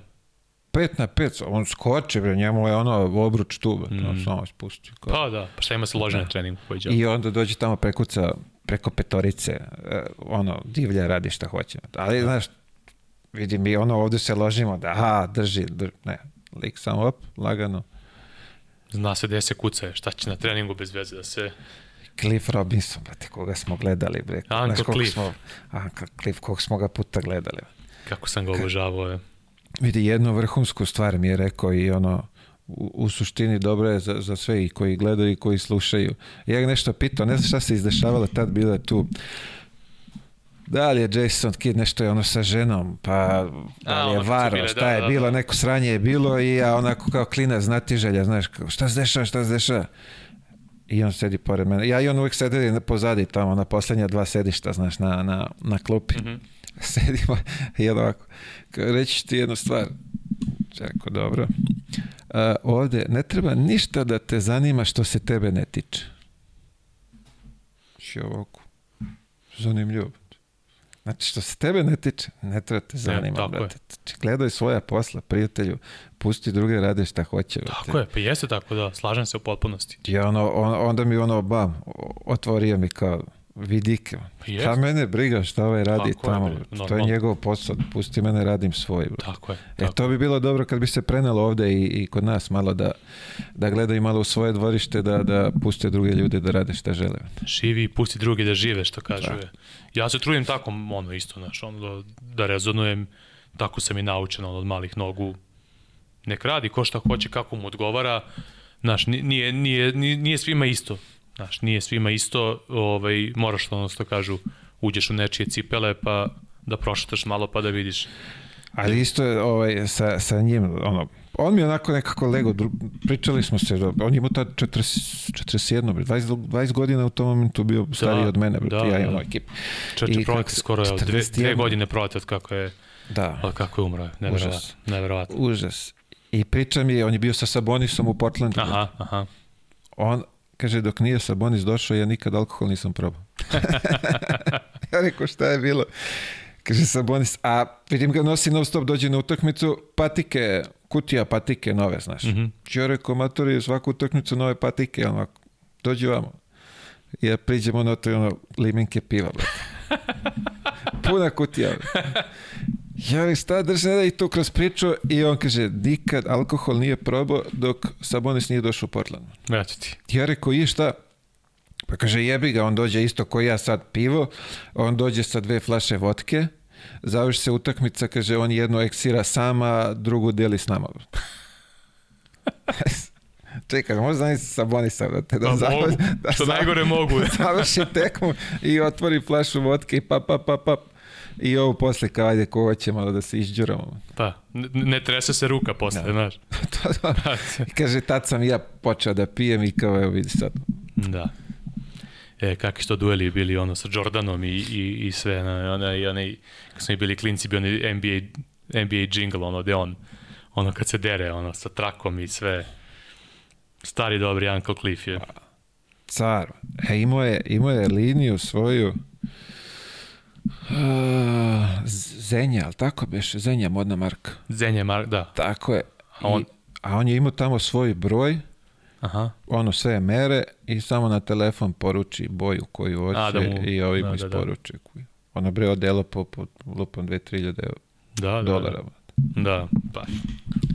E, Sad. NBA, stari dobri. Kako su, A? kako su ga oni živjeli. Da. Mislim, ovi ga sad žive još bolje, verovatno, sa, sa ovolikim ugovorima i svima. Pa ne Ti znam. a? pogledaš da je Jordan od karijere Da li, da li žive bolje? S A ja obzirom, mislim da... s obzirom na sve ove neke, nazovi, pritiske sa strane, nekako im utisak da je ranije manji mnogo pritisak bio, nije bilo mreža, mogu si iđeš u kafanu gde god hoćeš, u ono, da te ne, ne slika niko. Znači, znao si samo bežiš od paparaca, je, ono, a sad može svako da te ono... Robbie Fowler je, ja mislim, bio prva žrtva kamere na telefonu. Da su njega u nekom pubu bili navatali, ono, kad je po prvi telefon s kamerom izašao, da su ga uslikali i ovaj, da, da je on bio prva, prva žrtva, ja mislim, mislim, nisam siguran. Bar u Engleskoj, ono. Ali neka loša rezolucija. Pa, verovatno, verovatno. Znaš, tad su još mogli da se vade kao nisam ja bio loša slika, ali ja, ja kontam da je mnogo veći pritisak sada, da ne možeš da se opustiš, da stalno moraš da si... Vidi, ako si stvarno zvezda, zvezda ekipe, Ma ne, ti ako si zvezda, zvezda si bio si i onda zvezda. Tad su i, i Jordana su jurili i sve su jurili, ali, ali si mogao se sakriješ negde. To, to sam teo da kažem. Ti sad, ono, može se desiti da ti prijatelj slika iz najbolje namere pa da ode, da bude viralna slika ili snimak. tako je, tako je, da. Znaš, često ljudi iz najbolje namere naprave neko sranje. Pa to, Znaš, ne šta- razmišljaju ne o- razmišljaš o tamo koji posledicama. problem mogu da da. naprave, da. I to, to je onako, znaš, situacija gde, gde moraš baš ono da vodiš računa, ono. I šta slikaš i kako, mislim, i ta cela potreba da se sve slika, nisam neki fan, ali dobro, ono, mislim, šta da se A radi. jebi ga, tako je vreme. Pa, tako je vreme, To, da. tako, to može samo da se prilagodimo. Tako je, baš. A, reci mi, ovo me zanima, neke anegdote sa igračima, ili imaš ono, kroz te, ajde kažemo, intervjue, razgovore, kako već, Anegdote. Hm. Nešto da je onako, Uf, to, ovde kod mene bar anegdota što više ovaj, poželjno, tako da, Pa da, uvek je to, to je, to je uvek ono ideja. Ne, To misliš bi anegdote ovaj kao da rekao- sam ja lično doživao anegdotu ili da, pa ti, ti, da si u ili da, razgovoru, da su mi prepričali neku anegdotu. kako god, ajde, kad smo već tu, izbaci nešto. Pa vidi, meni je recimo kad sam snimao podcast, vidio sam da tebi Vlada Đurović bio i poslušat ću tu epizodu. Meni je to jedna od najomiljenijih epizoda kad sam ja snimao moj, moj onaj give and go. Znači, meni je to, ja, ja tu epizodu, malo, svakog leta, ono kad imam vremena, ja pustim da odslušam tu epizodu. Ja, to takve priče bile, razumeš, ja sam ono stvarno ono iščačkao sam ga za brojne stvari da mi priča ono od OKK Beograda, od samog Beograda kao grada, neke te gradske priče, poveznice, ovo ono i ovaj i stvarno sam uživao. I sad Đura, znaš, ono kad krene da ti priča neke priče, ja ću da umreš od smeha, razumeš? A, meni neprijatno, razumeš, iz poštovanja, I onda sam, brate, znači, borio sam se sam sa sobom, jer mi neprijatno se smejem, razumeš, ovaj, ipak je ono, znaš, ono Čovjek u godinama, ime što bi se u- reklo, znaš, da. da, da, ne, ne, ne, ne, ne shvati pogrešno, znaš.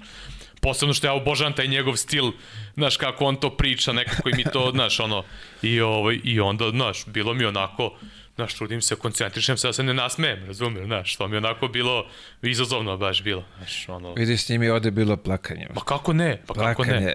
Ja se nisam suzdržavao, ja, ono, znamo se i A, vi se zna, zajedno on, i on, sve to. trenirao beše. Da, da, da. Pa, znaš, to je E, drugi vidi. odnos, ja sam njega upoznao formalno tada prvi put, znaš. I Ali ga tome- slušam ga ceo život, ono, znaš, i... Pazi, o, o, to je nešto što je on ispričao za gore za, za Wimbledon i Đokovića. Taj klip je toliko postao viralan. Ja, Mhm. to je milion, ko zna koliko broj to pregleda, ali to je...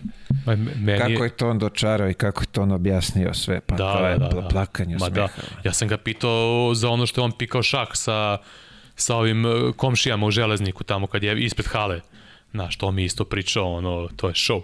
I, i jedna situacija, to, to je sad kasnije desilo i to mi je žao što, što, sam, što se kasnije desilo, tako kažem. Inače bi ga pitao, uh, desila situacija što sedimo u kafiću, neko društvo, pijemo kafu i čitamo žurnal. I neki izveštaj, uh, Karpov je bio ili Kasparov, ko beše bio je u Valjevu su bili i igrao je nešto ono sa svima, ono, znaš, što ne znam, ja te šahovske izraze. Simultank? Pa, to, to simultank. Ja mislim da jeste, Ne. da. I uglavnom e, pokojni Šekolarac je bio valjda i Đura e, su, su igrali, ovaj, Dragoslav Šekolarac ovaj, i Đura je valjda bio i učestvovali su tu protiv njega. To kako je Đura objasnio kako je mogao da ga matira i gde se zajebo koji potez povukao. Kunem ti se, to mi je nešto najlepše sam ikada u novinama pročitao.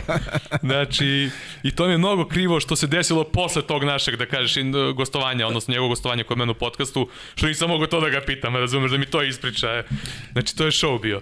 Znači, on je tako to profesionalno, onako, uh, iskreno, iskreno ispričao gde se, zašto se iznervirao, kako je mogo, kako je propustio priliku, znaš, da ono, da, da. Vidi, dogovorili smo se, kako zove, dogovorili smo se sljedeće leto da, da ćemo pravimo drugi deo, pošto mi je ovaj, posle kad smo se čuli, ispričao mi isto šta je sve propustio, šta Da, to sve ima. ma rekao, legend, vidi, legenda. Da, da ti poživiš, Ma pa legend. ćemo sljedeće leto ovaj, On i kad je meni krenuo da priča ono tako pred kraj podcasta, pa znaš ono, ovaj, kako mi je pričao o nama komentatorima kako gleda futbal, pa kako vi znate ovaj Stoke, pa ovo ko igra, pa krenuo da objašnjava, pa onda krenuo priča sastave neke Intera i Milana i to, ja sam oduševljen. Da, da, da, meni spominjao taj sastav Milana iz Jeste, reče, da. da reče 80 neki. Nabroji čovjek svih Da, bre, pa da, 11 pa i da. ja mislim izmena još. Bre. Ma, show, bre. Kažem ti, ja, još sam ga baš ono iščačkao tad za neke ono stare stvari iz OKK Beograd, za ona vremena kad se igrao na sajmu, pošto on još tu preko puta živeo, razumeš, i ono baš onako, pitao sam ga ono iza koraća malo da znaš ono da da to ostane i ovim mlađima da čuju te priče od njih razumeš. Ovaj ja sam imao sreće da to dosta tih priča čujem i neko imam želju da da da se to prenese da da da se znaš sačuva od zaborava je ma to su bre genijalne priče ono što priča isto Korać kad on izađe kao s devojkom da u bioskopa sretnu Koraća, znaš, i to, pa to kao fora bila mi se javi. Ti, da, da, je, show. priča je, plak. Znači, Ma, bukvalno vidi. meni je to, znači, snimao sam, snimao sam brojne, ono, brojna imena i to, ali ta, ta epizoda koju sam s njim snimao, znači to, Ali zna da, zna da bre da ti ispriča, da ti dočara Tako to, je, bre. tako je, Kao da se ispred tebe dešava. jeste, jeste, jeste, ono, ispričati ono na, narodskim rečnikom, to, to. razumeš, i ja sam to i volao, znaš, ono, kad sam bio klijent, ono, kad je ono radio kao stručni konsultant i to, uh, uvek sam volao to njegovo što, znaš, ono, približiti neke detalje na koje mi na koje ne obraćamo pažnju, znaš ono. A, kao ne sviđa mi se ovi španci kako oni to sa ovim slušalicama opušteni šmekerski dođu, plašim se da će nas gaze, znaš ono. Ne, nema nikakav stres. Ima, nikakve tenzije, ima znaš, šmek, i- ima i šmek, to- a vidi. jest- Neki ga ne vole onako kao A to je nešto što se izgubi, ali... ali to su neki detalji koje ja isto verujem da, da, da imaju značaja. A koji su se malo izgubili u ovo današnje kompjuteraško vreme, gde, gde je sve previše ono brojke, kompjuter, razumeš, a izgubile su te neke stvari, ti neki detalji. Ja to obožavam i zato volim njega da, da slušam. Znači, on vidi to, te neke stvarčice, razumeš, ovaj, i, i to je to, znaš. Vidi, car, on, on, znaš, on, on, on se sam odjavio, sam je zatvorio podcast. Stvarno. e, hvala ti što si me pozvao, završili smo. Ja, rekao, dobro. Vrh, vrh. Rekao, Morat ću to da poslušam, to mi je onako... Sa, vidi, to mi je, to mi je ovaj, to i da dovršim Bokija, jer kažem ti nisam tokom leta ništa nisam slušao od, od sportskih podcasta, dao sam sebi godišnji odmor klasični. A dobro, lagano, ti si ovaj, jako prezauzet. I sad se ono, ma ne, nego mi je onako, bio sam zasićen od, od, od, od košarke, od sporta, od svega i sad ono, polako ću ono, slušao sam sve ove uh, nesportske teme sam slušao, životne, a sad, sad ću se vratim polako i Đuru prvo puštam to, moram prvo da poslušam, nema, nema nikakve dileme. Carski. Uh, tu ušli smo, što bi se reklo, u ciljnu ravninu. Uh, imam ovde još dva, tri pitanja za tebe. Uh, ovo me zanima, pošto ovde je kod nas kako već funkcioniše, ovaj, je li ima da klubovi traže ko će da komentariše, ovaj, da, da insistiraju na nekom komentatoru ko će da prenosi utakmicu? Je li ima tih Pa zahteva od strane klubova Ne ka, znam, ka ja- televiziji? Ja nisam imao tih, uh, tih problema, da tako kažem, tako da ne, ne znam, nemam pojma. Pa, okej. Uh, I poslednje, mladi, ovaj, savjet za, za mlade kolege tvoje. Uh, Pošto ovde, ajde ovako, obavezno je Za komentatore. savjet za košarkaša, ali ti si... za mlade komentatora. Tako je. Ovaj, pošto ja to, znaš, onako uvek nekako rašalim za sebe, kažem da sam komentator, da nisam novinar, realno nisam, razumeš, razlikuju se malo Kao što ja nisam novinar, ja sam podcaster. podcaster. to, Da, kako pa je. da, pa da, pa da, pa jeste. Mislim, e, novinarski posao zahteva neke stvari za koje ja nisam siguran da bi mogu kvalitetno da radim. Ja nemam problem to da kažem. Razumeš, jednostavno nemam taj neki... Možda bih i mogao kad bi ušao u štos, ne znam, sad sa ovim iskustvom možda bih i mogao, ali nikad me to nije nešto pretredno privlačio. Ja se divim ljudima koji ono trebaju svaki dan da popune tu jednu stranu i da ostanu zanimljivi, razumeš? A što se komentatorskog posla tiče, E, to ja i kažem ovim svim mladima koji me pitaju, uh, nismo svi isti, ko što smo pričali malo čas za igrače, ne trebamo svi da idemo istim putem, svako treba nađe neki svoj put, ono što zna, uh, neko, neko možda može napravi show tako što će da se, ne znam, malo više dere ili nešto, a da ne priča toliko terenu, ali ne zna igru, neko će da radi obrnuto, znači najbitnije je samo da, na, da, da se nađe ono, što, znači ne da kopiraš drugog, nego da vidiš ono što ti možeš da, da uradiš na svoj način, u smislu promocije sporta kog prenosiš, komentariš.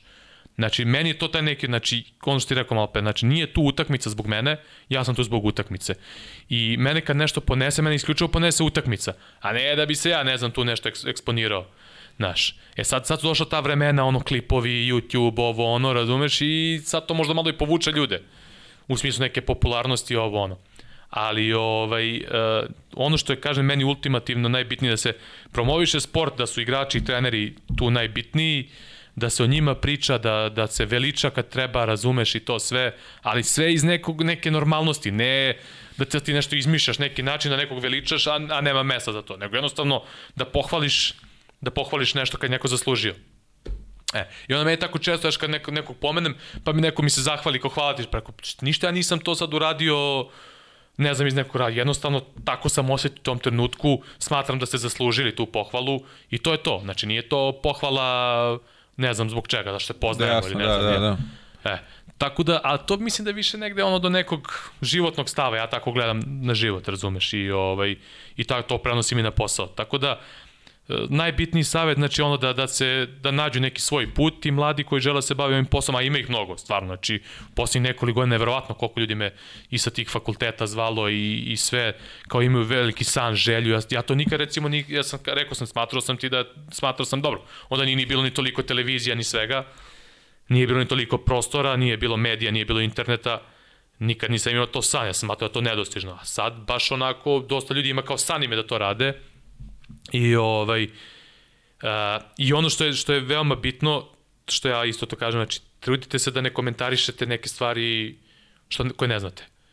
Znači to što ovi pričaju kao ti si komentator i moraš da imaš mišljenje o svemu, ne moram, zašto moram da imam komentar? Znači ono što nisam video i što ne znam šta je dogovor, za mene si samo neozbiljan čovek ako komentariš nešto ne znam. Znači možda je tebi sad trener rekao, Mile, tvoj zatak je samo da, da, da trčiš ono, leđima okrenut ka out liniji i ti pošliš taj zadatak koji ti je, a ja to ne znam. I sad ću ja kažem šta ovaj trči ovako, razumeš, i da tu, ne znam, ismevam ili nešto, da se pravim pametan. Znači, ne znam šta je trener rekao, ne znam šta je bilo, znači, postoje neke granice uh, gde se ti mešaš kao komentator po mom viđenju stvari i ja se to trudim da, da i mladim uvek kažem. Znači, pusti ti te priče, sad će ti kao da ispadneš mekar, što ćeš nekog da, da prozivaš ili ovo ili ono, to, to je smešno. Si spreman da tebe neko proziva posle za, za neku stvar za koju neko nije u pravu. Tako da, ovaj, eto, to su, to su neki, neki savjeti i što više gledanje utakmica, edukacija, rada na sebi, ovaj, jer ne znam, ali opet i to nemaš, neko, dosta kolega voli da zapiše sve. Ono, pa u bojama, pa u, je nekome tako lakše.